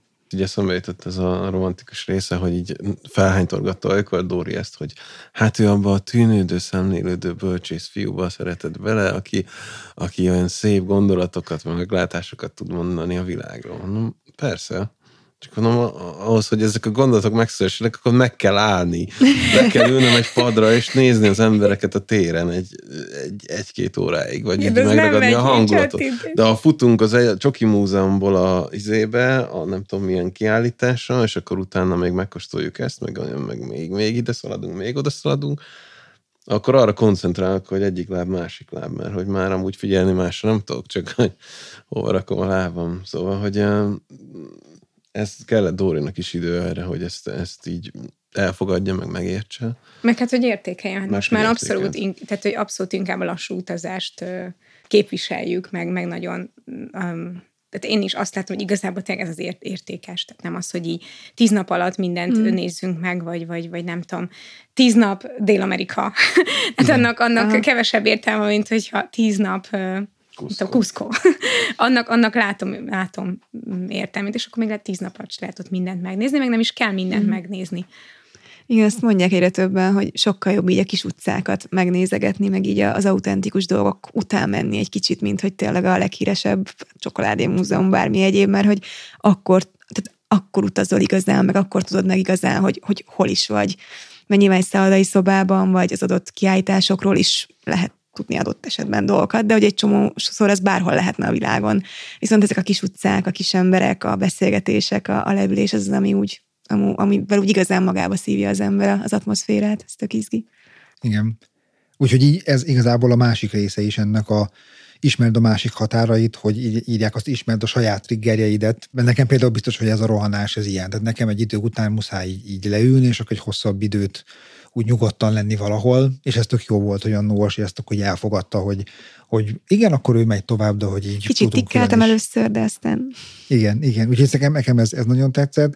Akkor ezt már mondtátok ebbe, lehet, hogy nem is mennék bele újra, de hogy ez a, a ne tartsatok haragot, vagy hogyha tudjatok vitatkozni, vagy hogy tudjatok ezt, tudjatok menedzselni ugye ezt a dolgot, és ezt még itthon is nekünk amúgy sokszor kihívás, hogy mondjuk megyünk valahova, és mondjuk egy vendégség előtt van valami. És akkor oké, okay, de aztán be kell mennünk, és hogy hogyan, hogyan tudjuk elodázni, vagy ö, úgy áttenni ezt a megbeszélést, hogy tudjuk funkcionálni is abban a helyzetben, de közben meg is beszéljük, hogy mi a, a, a konfliktus.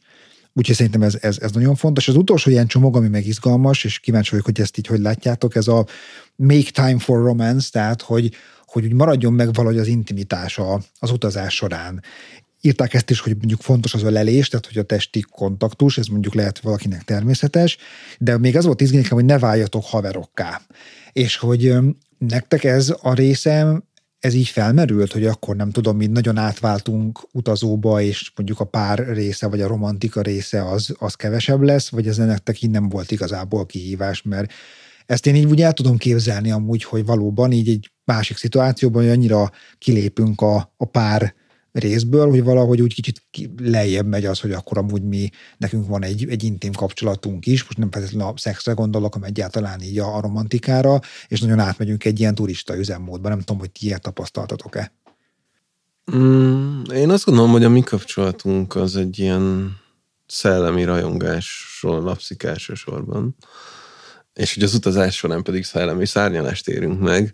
Tehát, hogy a, nekünk az nagyon nagy százalékban ez adja az intimitást, hogy kapcsolódunk az mm. intellektuális szellemi megélésben és találkozásban. És ez meg tud történni abban, hogy mondjuk egy buszutat végig beszélgetünk, vagy, vagy, ö, vagy hogy ugye mondtuk, hogy azért sokszor couchsurfingeltünk, ami azt jelenti, hogy ott, ö, ott mondjuk egy privát szférát, az, az nagyon kicsi, és most nem arra gondolok, hogy nincs külön szobát, hanem egyszerűen megosztod mindenedet, magadat is, magunkat is.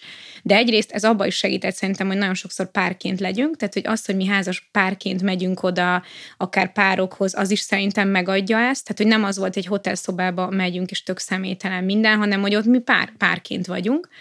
Ott is ugye rengeteget beszélgettünk emberekkel, meg tudatosan építettünk be egyébként olyan időket, amikor nem couchsurfereknél voltunk, bár nagyon sokszor akkor is végül, végül úgy, úgy végződött a pont olyan, nem szoktunk soha hotelbe menni, és akkor mondjuk, hogyha egy családnál vettünk ki szobát, akkor végül aztán úgy alakult, hogy akkor végig a nappaliba voltunk velük, együtt főztünk, meg ilyesmi, de hogy azért mindig próbálunk így beiktatni olyan időket is, amikor így, amikor így kettesbe vagyunk, illetve nekünk például szerintem a természetben töltött idő az annyira azonnal gyakorlatilag belépünk, és ilyen, ilyen csettintésre így annyira összekapcsol minket, tehát össze is szoktunk egyet ölelkezni minden túrát, minden túrát például úgy kezdünk, hogy így, hogy így megöleljük egymást. Vagy ha elérünk egy ilyen csúcsra, tehát hogy szerintem már csak azzal, hogy még nagyon sok időt töltöttünk, meg szok, általában az utazásokon nagyon sokat vagyunk, így nem városokba, hanem a természetbe, és sokat kirándulunk, nekünk igazából az együtt séta, és ott általában azért kettesbe vagyunk, tehát nem megyünk másokkal, ha mondjuk Couchsurfingnél vagyunk, akkor mi általában az arról szól, hogy, hogy mi elmegyünk, és akkor este találkozunk velük, és nekünk például ez, ez adja meg. De hogy azt szerintem minden pár, lehet, hogy valakinek ez egy vacsora, tehát, hogy tényleg mindenkinek, mindenkinek ez más lett. Valakinek a piacozás együtt, mm. bármi. Nekünk például ez a természet, és akkor tudtuk, hogy nekünk kell idő arra, hogy mi ketten legyünk, és elmegyünk kirándulni, és legyünk a természetbe. Mm. Igen, de ez a rendezvú volt szerintem az én utazások során, hogy elmentünk egyet vacsorázni, és akkor az adta meg uh-huh. ezt a kis pár élményt. És akkor említetted, Dóri, ugye ezt a, a lassú utazás fogalmát, hogy most már inkább ellefele haladtok, vagy hogy inkább így szerettek jobban utazni, és én itt akkor behoznék egy fogalmat, mert ha jól sejtem, mondjuk a digitális detox témája ez ehhez kapcsolódhat, és hogy ti erről írtatok is a blogon, hogy egy picit erről meséltek, hogy egyrészt ez micsoda, miért fontos, számotokra, mert azt gondolom, hogy maga a fogalom talán azért ma már nem újdonság a legtöbbeknek, de hogy mondjuk pont az utazással ez hogyan passzol, vagy hogyan nem passzol, vagy hogy ez hogyan kapcsolódik, ez szerintem egy érdekes kérdés. Hát szerintem ez az első út, ezen az egyéves utazásunkon sokkal könnyebb volt, mert nem volt Facebookunk, nem volt, vagyis hát saját Facebookunk volt, vagy még lehet, hogy az se? Nem emlékszem. Lehet, hogy az volt, de hogy így tökre nem volt az életünknek a része, a social media és oldalunk meg aztán egyáltalán nem volt, amire posztoltuk volna mm. az utazásainkat, ez jóval utána lett ez, a, ez az oldalunk. Igazából szerintem akkoriban annyiba merült ki, hogy ha volt valami ilyen nagyon konkrét dolog, hogy még egy vízumra keresni, azt akkor egy blogon nagyon tök jól lehetett akkor a blogokat keresni. Nem tudom, nem néztünk sorozatot telefonon, meg ilyesmi, mert hogy nem, nem is volt. volt streaming. Nem akkor. volt streaming, nem volt, csomó a, helyen nem volt internet, a, tehát hogy így Amúgy például... szerintem ez akkor borult meg, meg azóta van ez a digitális, mm. tehát Nox, amióta van mobilnet, Igen. olcsón, vagy akár ingyenesen, tehát azóta Fú, azóta... ez. Mm. Mert akkoriban is nyilván volt internet, meg emlékszem, hogy hogy Balén például a Rizsföldön is volt ingyenes wifi, és akkor meg is lepöltünk, hogy ott be lehet Úristen, itt lehet ezért wifi-t fogni. De nem úgy volt, mint most, hogy bármikor, bárhol előkapod, és mindent meg tudsz nézni az interneten, hanem ott például egy ilyen offline ö, térképet követtünk, uh-huh. igen. mert nem volt, ö, nem volt mobilnetünk. Igen, igen, igen, tehát hogy nagyon-nagyon más világ volt, és nem sokkal könnyebb, tehát sokkal könnyebb volt így ellazulni, meg bele lazulni abba az életfonába, kapcsolódni emberekhez, mert hogy utaztunk már úgy is, hogy már volt internetünk, mm. tehát hogy, hogy, hogy, hogy gyakorlatilag bárhol kaphatsz internetet, és, és az a másik, szerintem hogy sokkal... Bet, betelt a memóriakártya fényképezőgépen, tehát, a, ja, igen. tehát emlékszem, hogy még valami 8 vagy 10 memóriakártyát vittünk, és akkor itt rakogattuk ilyen tök lassan, ahogy volt rendes számítógép igen, a képeket. és a másik meg a blog volt, igen. És nem az volt, hogy egyfolytában mindenki kattogat, meg szelfizik, hát nem is tudom, azt azt hiszem pont de meg lehetett fordítani, szelfiztünk, de tök macerás volt akkor Igen. szelfizni a, azzal a géppel. Szóval szerintem ott ez nem volt ilyen nagy probléma, mert maximum a blogot írtuk, viszont az marha nehéz volt írni, mert egyrészt egy ilyen, nem vittünk laptopot, hanem egy ilyen, nem tudom, ilyen icipici kis izén írtuk, először csak egy tabletet vittünk magunkkal. Nem, kaptunk, kaptuk azt a tabletet a, Ja, Dennis-től. A, az a, Amerikába egy, egy barát, vagy hát egy couchsurfer Szársadunk Tomos barátunk, aki mondta, hogy nekik már ez a harmadik, és ez nem kell. És akkor, hát akkoriban ez azért tök nagy dolog volt. egy iPad-et. Egy iPad-et, iPad 2-est, vagy nem tudom, mit mondta, hogy hát ez már nekik nem, nem jó, úgyis csak kidobná. És, és akkor azon írtuk a blogot, és én tök még a mai napig totál elütések, helyesírás hiba, minden, a képeket így nagyon nehezen lehet föltölteni, szóval ilyen szempontból sokkal nehezebb volt például mondjuk egy blogot vezetni, de hát akkor még milliószor gagyibb is volt a blogunk. Viszont szerintem a mostani utazásoknál, ahol már van internet, ott, ott erre így nagyon durván tudatosan kell figyelni, hogy így ne a telefont.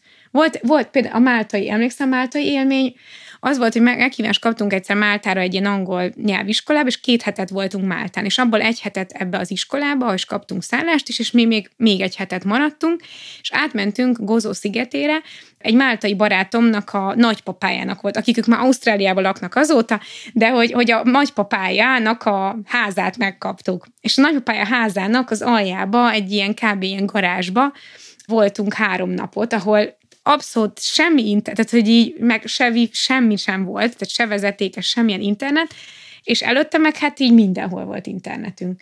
És hogy így fú, hát az akkora nagy élmény volt, hogy ott így nem volt internetünk, mert tényleg, tehát bármennyire is nem akarjuk, borzasztó tudatosnak kell lenni ahhoz, hogy az ember, mikor így lefekszik az ágyra, így nem tudom, elfárad egy kirendás után, és akkor ne elkezdje el néztegetni és görgetni. Tehát, hogy ehhez már tényleg az kell, hogy ne legyen. És az nagyon szép volt, hogy az annyira egymásra tudtunk hangolódni, egymásra figyelni, olyan más volt egy reggel is, pedig nem vagyunk ezek a görgetősek, de hogy mégis milliószor többször nyúlunk hozzá, mint ahányszor kellene. Tehát, hogy inkább ez nálunk egy törekvés, tehát, hogy mi is, tehát, hogy egyszerűen, na minden azon megy, nem tudom, azon beszéljük le a szállást is, meg mindent ma már, hogy, hogy most ezerszer nehezebb ez mindkettőnk számára, szóval nagyon tudatosan kell tényleg ilyen, mondjuk olyan szállást választani, ahol nincsen. Mert hogy máshogy annyira rá vagyunk így, nem tudom, egyszerűen ez a megszokás. És akkor van, hogy erre most direkt törekedtek is, tehát hogy erre így figyeltek, vagy az ilyen, ahogy esik, úgy, úgy sikerül, vagy ez kifejezett cél, hogy akkor nem akarunk digitális. Az utazásnál? Aha. Utazásnál. Utazásnak könnyebb egy kicsit szerintem. Sokkal könnyebb, igen. Mert van. igazából elős, tehát hogy amúgy nincs rá szükségünk. Tehát, mm. hogy mhm. csomószor van, hogy így nem, nem veszük elő. De hogyha mondjuk a szálláson van, akkor este azért megnézzük mondjuk az üzeneteket. De hogyha mm. nincs, akkor, tehát hogy hiányozni nem hiányozna amúgy, csak az, hogy mivel megvan lehetőség, ezért élünk vele.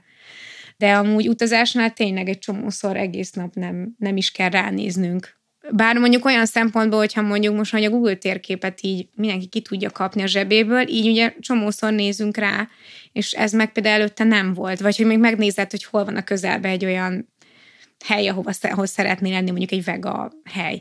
És nem az van, hogy akkor előtte kinézed valami kis könyvből, mert például, amikor a, a Cook-szigeten voltunk, akkor könyvtárba mentünk, a sziget egyetlen könyvtárába Új-Zéland úti könyvet nézni, nem lehetett kivenni, ott kellett leülni a könyvtárba, és kinézni, hogy hova szeretnénk menni Új-Zélandon.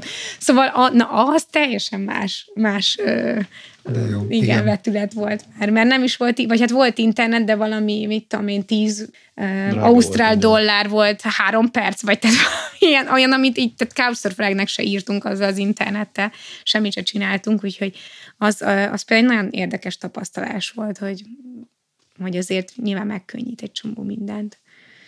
Ezt aláírom, mert nekünk is volt olyan élményünk, hogy uh, mentünk valahova, és tudatosan azt mondtuk, hogy jó, akkor most Google Maps nélkül működünk, és akkor a régi old fashion kis térképpel, és annyira vicces volt, mentünk az utcán a térképpel, és valaki odajött, hogy itt a telefonom, tudok segíteni, mit kerestek? És mondtuk, hogy ne, ne, ne, az a lényeg, hogy most ezen így megtaláljuk a dolgokat.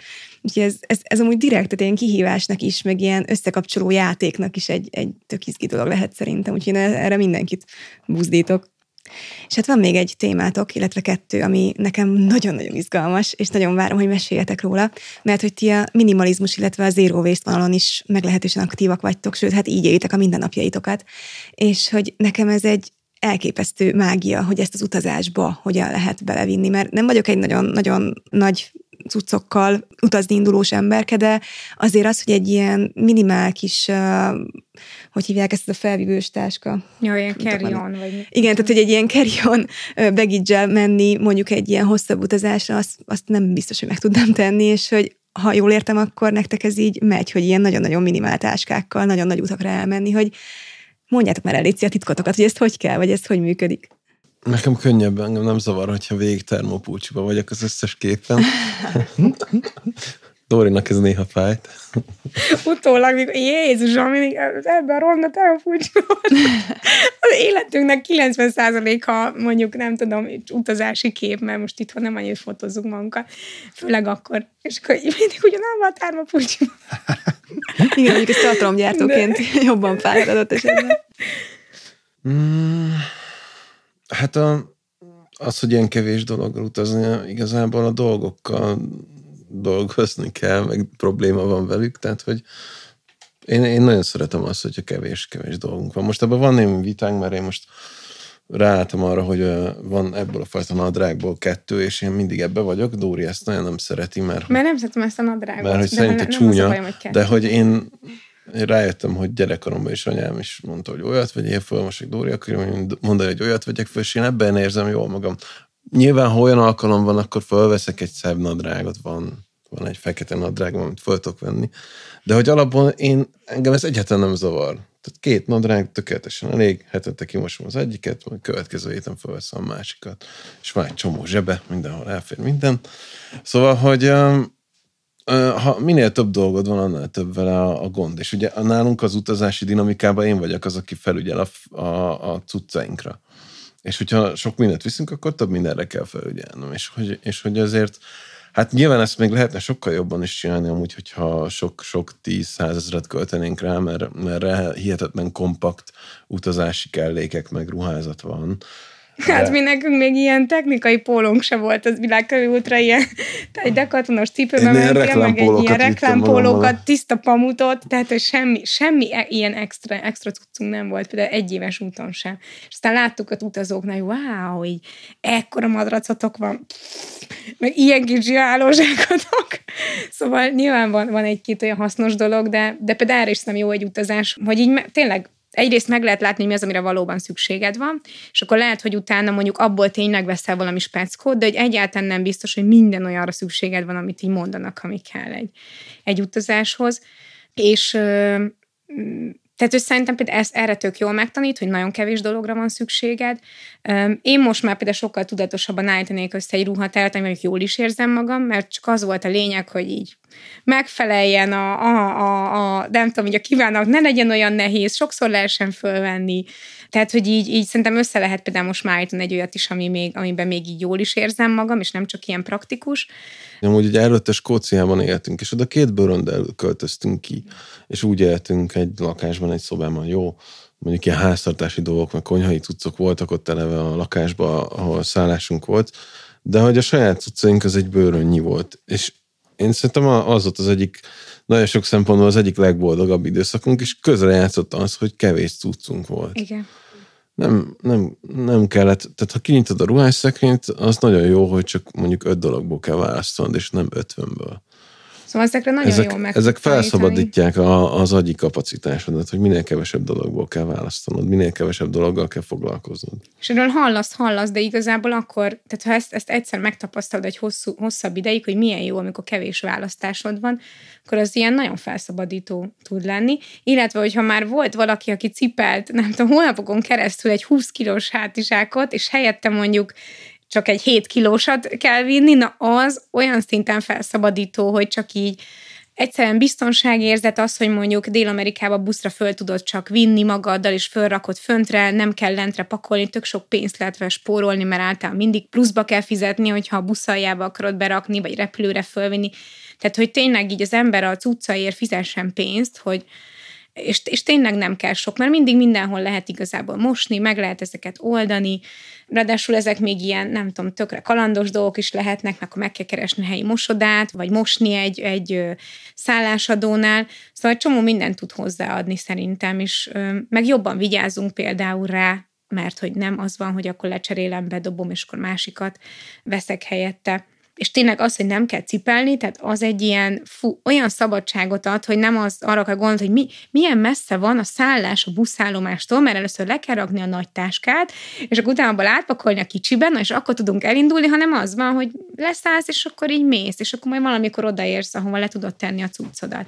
Azért az egyéves úton még nem így volt, mert oda azért vittünk egy nagyobb táskát. Tehát, hogy ott volt egy feladott, feladott podgyászunk, egyrészt még nem is voltunk ilyen tapasztaltak, másrészt mégiscsak egy év, meg, meg nem, nem volt abban tapasztalatunk, meg a hogy például... Jó, hát jó, az a kettő gram volt. kritikus, igen. Jó, te meg vittél két tök nagy kötet könyvet. szóval két ilyen tök, tök nem nagy... is volt nagy. De nagy volt, és nagy és nehéz. Mondjuk és... ez bennem kérdés is, hogy könyvek nélkül ezt hogy lehet, mert hogy mi mindketten nagyon nagy könyvesek vagyunk, és hogy a általában, hogyha egy hétvégére megyünk, hét kategórián kívüli nálunk, és mint látjátok, ha valamiből sokan nálunk az könyv, az nekünk nem esik bele sem a minimalizmus, az lábnyom csökkentésébe, és, és utazás is viszünk könyvet. Tehát a hmm. könyv az, az egy olyan, de viszont rájöttünk például arra, hogy, hogy az egyes úton azt csináltuk, hogy csomószor lehetett egy könyvet cserélni. Tehát, hogy mondjuk akár egy piacon, egy, egy, egy hostelokban is szokott lenni ilyen könyvcsere, couchsurfereknél. Volt például ruhából is ilyen cseredoboz egy csomó couchsurfingnél. És például, amikor mi elmentünk új, hogy is, hol is adtuk le a cuccunkat. Például két, én például kétszer cseréltem meleg, meg hideg ruhát, és akkor az utolsó couchsurfelnél ott hagytuk, a következőnél megkaptunk. Tehát, hogy egy pulcsit, vagy akkor mi hagytuk ott azt, amit mondjuk lehet, hogy kellett vennünk egy kabátot egy adományboltba, szóval, hogy egyrészt bárhol, bármihez hozzá lehet jutni, hogyha nagyon kell, nem kell, nem tudom, meleg kabátot végigcipelni fél éven keresztül, mert mindig hozzá lehet jutni tök olcsón, mondjuk használtam valamihez, szóval tényleg nem kell az embernek is sok, sok mindent magával, magával vinnie, meg hogy így nálunk nekünk is van, volt például olyan dobozunk, amiből így a couchsurferek tudtak vinni, vagy itt hagytak mondjuk egy kis hátizsákot, az a következőnek kellett. Ezekbe úgy lehet, lehet bízni. De jó. És az Waste is meséltek egy kicsit? Mert nekem ez is egy ilyen mágia. Hát ugye az utazás maga az, az egyáltalán nem zero waste, hogyha az a lábnyomát nézzük, de hogy mi próbáltuk megtalálni azokat a módokat, ahogyan a, lehet csökkenteni az egyes, egyes lépcsőkön az, az, azon, hogy mennyire romlod úgymond a környezetet, amivel így találkozol. Ugye hát a legjobb amúgy az a, az a gyalog, az a rándoklat, tehát az a legtisztább. Nekem ott, ott van amúgy a listámon egy, hogy még én az életem során szeretnék majd egyszer eljutni gyalog Assisi-be. De hogy a, azon kívül pedig ugye hát, hogyha a következő lépcsés, hogy hogy megtalálni azokat a módokat, ami amúgy az kézis nélkül elérhető. Ez nekünk az egyik fő célkitűzésünk, hogy úgymond idézőben bárki számára követhető módszerek legyenek, és az egyik kedvencünk az az, hogy, hogy a tömegközlekedést vegyük igénybe, lehetőleg szárazföldit, és, és keveset repüljünk. Ez ugye sokszor olcsóbb is, meg, meg a legjobb kalandjaink azok, azok mind tömegközlekedési találkozásokból jönnek, hogy ott, ott mit tapasztaltunk, mit láttunk a helyiek kapcsán. Aztán, ami még egy ilyen, egy ilyen kardinális rész az az, hogy, az, hogy olyan szolgáltatásokat vegyünk igénybe, amivel helyeket támogatunk, és hogy nem zsákmányoljuk ki az adott élővilágot, vagy akár a helyi embereket és hogy most ilyen egyszerű példák, hogy, hogy úgy is lehet élvezni Dél-Kelet-Ázsiát, hogy nem megyünk dzsungeltúrára elefánt háton, mert hogy... Meg nem fotózkodunk tigrissel. Meg nem fotózkodunk meg... bekávított tigrissel, tehát anélkül is vissza lehet jönni Tájföldről, és csomó élményünk lesz. Mm, nagyon érdekes, hogy hogy alakulnak ki ezek a turi csapdák amúgy. Mm, nagyon jól működtetik őket. A végső érve az szokott lenni, hogy de hát akkor így a helyek elesnek a pénztől és akkor mondom, hogy ha eltöltöttél volna még három napot mondjuk tájföldön, akkor tudnád, hogy a helyiek öt perc alatt csinálnak egy új bizniszt, mert hogy ott nem úgy működik, mint itt, hogy KFT-t kell alapítanod, hogy cipőpucoló lehessél, hanem veszel egy kefét, meg egy doboz cipőpasztát, aztán kiülsz a térre, és akkor már lesz is kuncsaftod. Szóval, hogy... hogy hát Amire is... igény van az odautazóknak, az lesz. Tehát, hogyha Igen. így kialakul egy, egy igény olyan fenntarthatóbb, vagy, vagy tehát bármi más szolgáltásra, akkor így hetek és hónapok alatt ők áttransformálódnak egészen egyszerűen valami, valami másra. Szóval például ez, ez az érv, ez, ez, ez mindig szokott jönni, hogy de hát, hogy akkor, akkor talán miből fog élni. Tényleg ők elég gyorsan adaptálódnak. Tehát, hogy ez, ez nem nagyon lehet ér mondjuk ilyesmi szolgáltásoknak az igénybevételére. Tehát, hogy a zero waste van egy ilyen nagyobb kontextusa nálunk, ami így nem tudom, felelős utazás és felelős életmód, és akkor így ebbe, ezen belül egy ilyen igazából pici rész a hulladék része, ami meg tényleg ténylegesen az, hogy, hogy mondjuk amikor utazunk, akkor tudom, szappant viszünk magunkkal, és nem tusfürdőt, meg, meg, meg amikor nem tudom, tehát mindig van nálunk doboz, meg evőeszköz, hogyha valamit így el, elviszünk, elmegyünk a helyi piacokra, és ott vásárolunk, ahelyett, hogy mondjuk egy szupermarketbe vásárolnánk, csomagolt dolgokat, keressük így a helyi, helyi lehetőségeket ott is, tehát hogy, hogy helyi alapanyagokat közvetlenül a helyiektől, És akkor ez egyébként egy tök jó szint is ad az utazásunknak, hogy nem az van, hogy... Tehát, hogy igazából az is egy program, hogy mi beszerezzük a reggelinket. Mert hogy keressük azt, hogy hol van nem tudom olyan pékség, elhozzuk a saját kis tárolóinkba a dolgokat. Szóval például az étkezésen belül ez, ez egy ilyen nagyon, tehát ott, ott például nagyon-nagyon lehet szerintem hulladékot csökkenteni um, utazások során és akkor nem tudom, ott van az ilyen klasszikus, a szórólap, a, az ilyesmi, ami nyilván most már egy digitalizációval nem annyira nagyon durva, de hogy, hogy azért régen így rengeteg ilyen mindenféle volt, a, ilyen, ilyen szórólapok és hasonlók, meg a palackos víz, és tehát, hogy, hogy ezekkel tényleg így nagyon sokat lehet ezeken. És ez ezeknek a végigvonulásával. Több, tehát akkor ha jól hallom így ki a, abból, amit mondtok, hogy akkor az mondjuk nem jelent annyival több szervezés, mert hogy ugye itt ezt látom mondjuk, mint aki ebbe így mondjuk kritikailag bele tudna állni, hogy na hát akkor, de hát akkor nekem nem tudom, az, ami az időmutazás helyett, hogy nekem azt kell nézni, hogy ezt a zero waste működést ezt, ezt megoldjam, és hogy, hogy ez mennyivel több szervezést igényel így utazni. Ez az elején igényel több szervezést, amíg Dóri kitalálta ezeket, én meg kézzelábbal tiltakoztam bizonyos dolgok ellen, aztán végül, végül is így valahogy így átment rajtam is ezek a dolgok, és utána ez nulla erőfeszítésbe kerül. Ez annyi, hogy van egy tematikája az útnak, és hogy ezt a tematikát annyiban nehezebb, hogy mi saját magunk tartjuk fent, de hogyha te egy utazási irodával mész, ott is van egy tematika, csak az általában nem olyan jó. Mert, Lehet, hogy jó. Mármint, hogy így zero waste szempontjából. Igen, igen. Ott is itt igazán mi döntünk abba, hogy most nem tudom, hova ülünk be, hogy mit veszünk meg, tehát hogy ebbe az egyéni utazás tök sokat segít. Nyilván, hogyha valaki egy irodával utazik, ott azért nem olyan nagy a választási lehetőség, hogy akkor most milyen szállás, meg, meg milyen helyen esz, eszel.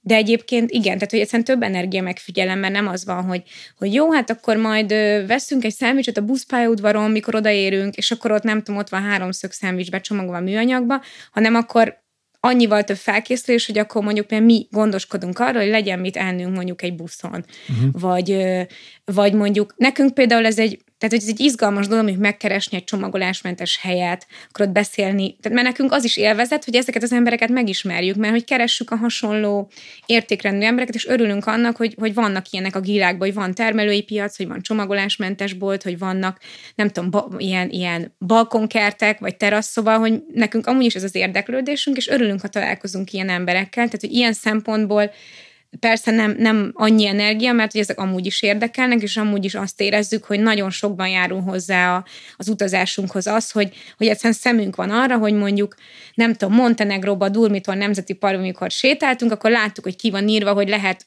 túrán, tehát túra, nem tudom, egy, egy óra a, a, egy óra után mondjuk így a túraút van, hogy ki van írva, hogy ott van sajt eladó.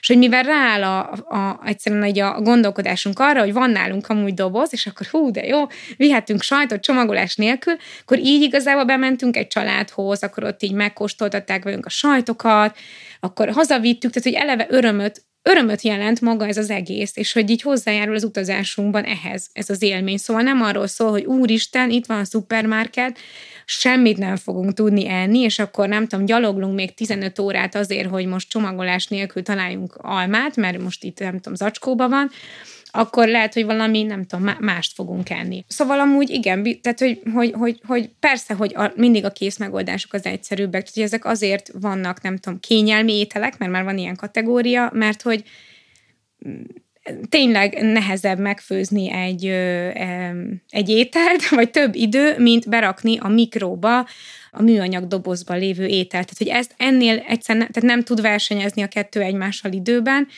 így szerintem az Zero Waste-ben mi azt képviseljük, meg nekem, nekem abszolút ez így róla a, nem tudom, az üzenetem, hogy, hogy azt kell nézni, mi az, amit hoz ez az életedbe.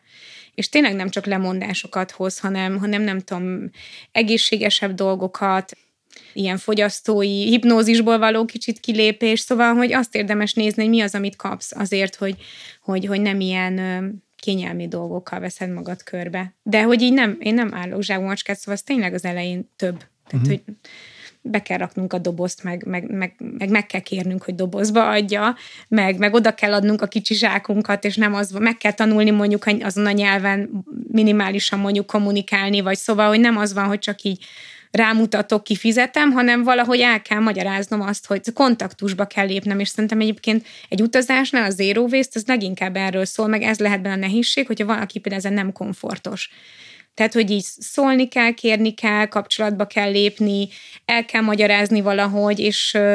Én ezt egy kicsit ilyen teátrálisan úgy szoktam elmondani, hogy egy zero waste vásárlás, mondjuk egy péksüteménynél, hogy úgy néz ki, hogy oda mész az eladóhoz, hangosan köszönsz, mélyen a szemébe nézel, majd előrántod a zsákodat, és még mielőtt bármit mondanál, mert ugye a rutin az, hogyha te kimondod a pékáró nevét, az már benn van egy zacskóban. Tehát, hogy nem szabad mondani a pékáró nevét, hanem bemutatod a zsákodat, hogy itt a zsák, és hogy te nem a nylon zacskót akarod, hanem ezt a zsákot akarod, hogy tegye bele, és hogy tényleg nem csak az, hogy köszönsz, hanem tényleg bele kell nézni a másik szemébe, hogy értse azt, hogy itt most a, ő neki is a rutinjából egy picit ki kell lépni. De hogy ha ezt jól csinálod, amúgy te leszel a nap fénypontja, tehát hogy, mert amúgy erre egy csomóan fogékonyak, tehát nekem nagyon sokszor volt olyan, hogy hogy így el is kérhettem volna az eladólány telefonszámát, úgy örült neki, hogy vittem a saját szendvics zsákomat, és milyen menő. Szóval, hogy ez egy tök jó kapcsolódás az eladókkal is, csak csak ezt az egészet dramaturgiailag fel kell építeni, hogy ez jól működjön, és ez nyilván valakinek ez nem komfortos. De ehhez is azt szoktuk elmondani, hogy ez, ez mindig mindenki azt tegye meg, amiben ő jól és hatékonyan tud ö, mozogni.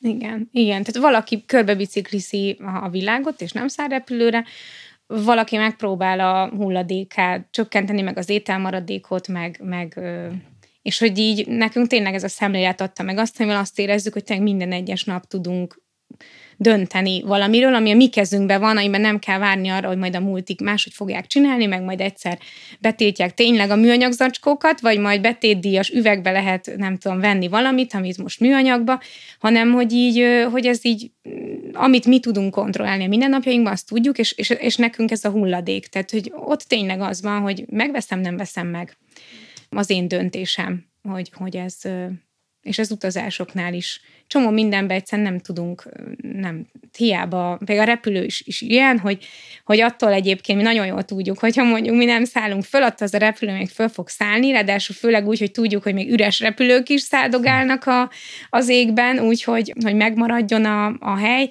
de mondjuk például a hulladéknál, tehát az, hogy mi komposztálunk, az, annak tényleg van uh-huh. effektíve hatása, azt érezzük legalább a mi kis életünkben és ez lehet, hogy még ilyen nagyon banálisan technikai kérdés, de hogyha valaki azt mondja, hogy jó, akkor zero waste módon szeretnék utazni, akkor az ilyen típusú helyek, meg piacok, meg, meg megoldások feltérképezés az gyakorlatilag most már gondolom az interneten ott van, vagy mert azért mondtad, hogy nyilván Ezeknek pont, hogy kicsit nehezebb megtalálni, mert a supermarket az ott van a Google Maps-en, de hogy nem tudom mondanom, a local market is már lassan ott van a Google Maps-en, hogy ti most már nagyjából ezt hogy tapasztaltak, hogy ezt meg lehet nézni neten keresztül, vagy azért ez még igényel olyat, hogy akkor ott nekem helybe kell kutatni, és, és hogy találom meg ezeket a pontokat? Hát szerintem már minden fönt van azóta az interneten, illetve mi például mióta ez is nagyon erős fókusz az utazásainknak, mindegyik országról írunk ilyen szempontból is, tehát hogy a, most a második amerikai utazásunknál már abszolút így éltünk itthon is, és akkor pont mondták is az emberek, hogy jó, persze Montenegro a Balkánon tök könnyű, de, de hát például az USA-ba hát ezt nem lehet megcsinálni, és hogy úgy sokkal nehezebb így utazni, és akkor ez is egy szempontja volt az utazásunknak, például ezt bemutatjuk, hogy mik azok a helyek például az USA-ba, ahol mondjuk egy ilyen klasszikus road trippen, mik azok a pontok, ahol erre tudsz figyelni, akár szállás tekintetében, akár nem tudom, mik azok a boltok. Tehát leírtuk, hogy konkrétan azokban az államokban mi hol tudtunk kimérve venni tök sok mindent, hol volt a piac, hogyan találtuk meg. Szóval nyilván mi blogunkon is az, az, az a kevés ország, ahol voltunk, az például megtalálható, de hogy ezek tényleg ma már beírja valaki, hogy Farmers Market is, hogy mikor van, akkor oda el lehet menni. Tény az, hogy ezek sokszor, tehát hogy minél nyugatabbra megyünk, ezek annál drágábbak, viszont minél keletebbre, ott meg, ott uh-huh. meg mhm. annál olcsóbbak. Na, hát nagyon-nagyon köszönjük nektek ezt a beszélgetést, mert hát nekem eleve szívem csücske maga az utazás téma, és a blogotokat is nagyon örömmel olvastam, de hogy ez a beszélgetés is legalább olyan szuper élmény volt, ezzel a rengeteg tudással, a zero waste adaléka, illetve a minimalista szempontokkal együtt, úgyhogy számomra ez egy elképesztően értékes beszélgetés volt, és nagyon-nagyon köszönöm nektek, illetve köszönjük nektek a vendéglátást is. És nektek is köszönjük, kedves hallgatók, hogy itt voltatok ma velünk, és két hét múlva jövünk majd a következő epizóddal. Sziasztok! Sziasztok. Sziasztok, köszönjük! Köszönjük mi is, sziasztok! Köszönjük, hogy velünk tartottatok. Ennyi volt most az Együttható Podcast. Elkészült a műsor Patreon oldala. Epizódjaink elkészítésébe a figyelmen és gondosságon kívül sok időt, energiát is teszünk. Ezért hálásan köszönjük, ha a leírásban megtalálható Patreon linken keresztül támogattok minket az állandó költségek fedezésében és technikai hátterünk fejlesztésében. Az adásban említett főbb linkeket, hivatkozásokat és forrásokat megtaláljátok az epizód leírásában. Ha van értékelési lehetőség a felületen, ahol hallgattok minket, hálásan köszönjük, ha értékelitek a műsort. Fontos, hogy az adásban elhangzottak nem minősülnek szaktanácsadásnak vagy szakmai javaslatnak. A célunk pusztán annyi, hogy példákat adjunk, történeteket meséljünk, kérdéseket vessünk fel és elgondolkodtassunk. Komoly párkapcsolati vagy egyéb lelki nehézség és vészhelyzet esetén forduljatok képzett segítőhöz. Mi ebben hiszünk. Kérdésekkel, témajavaslattal vagy visszajelzéssel keresetek bennünket bátran Instagramon vagy Facebookon, ott Együttható Podcast néven találtok meg minket, vagy írhattok nekünk e-mailt a hellokukac együtthatópodcast.hu e-mail címre is. Találkozunk a következő epizódban. Sziasztok! Sziasztok!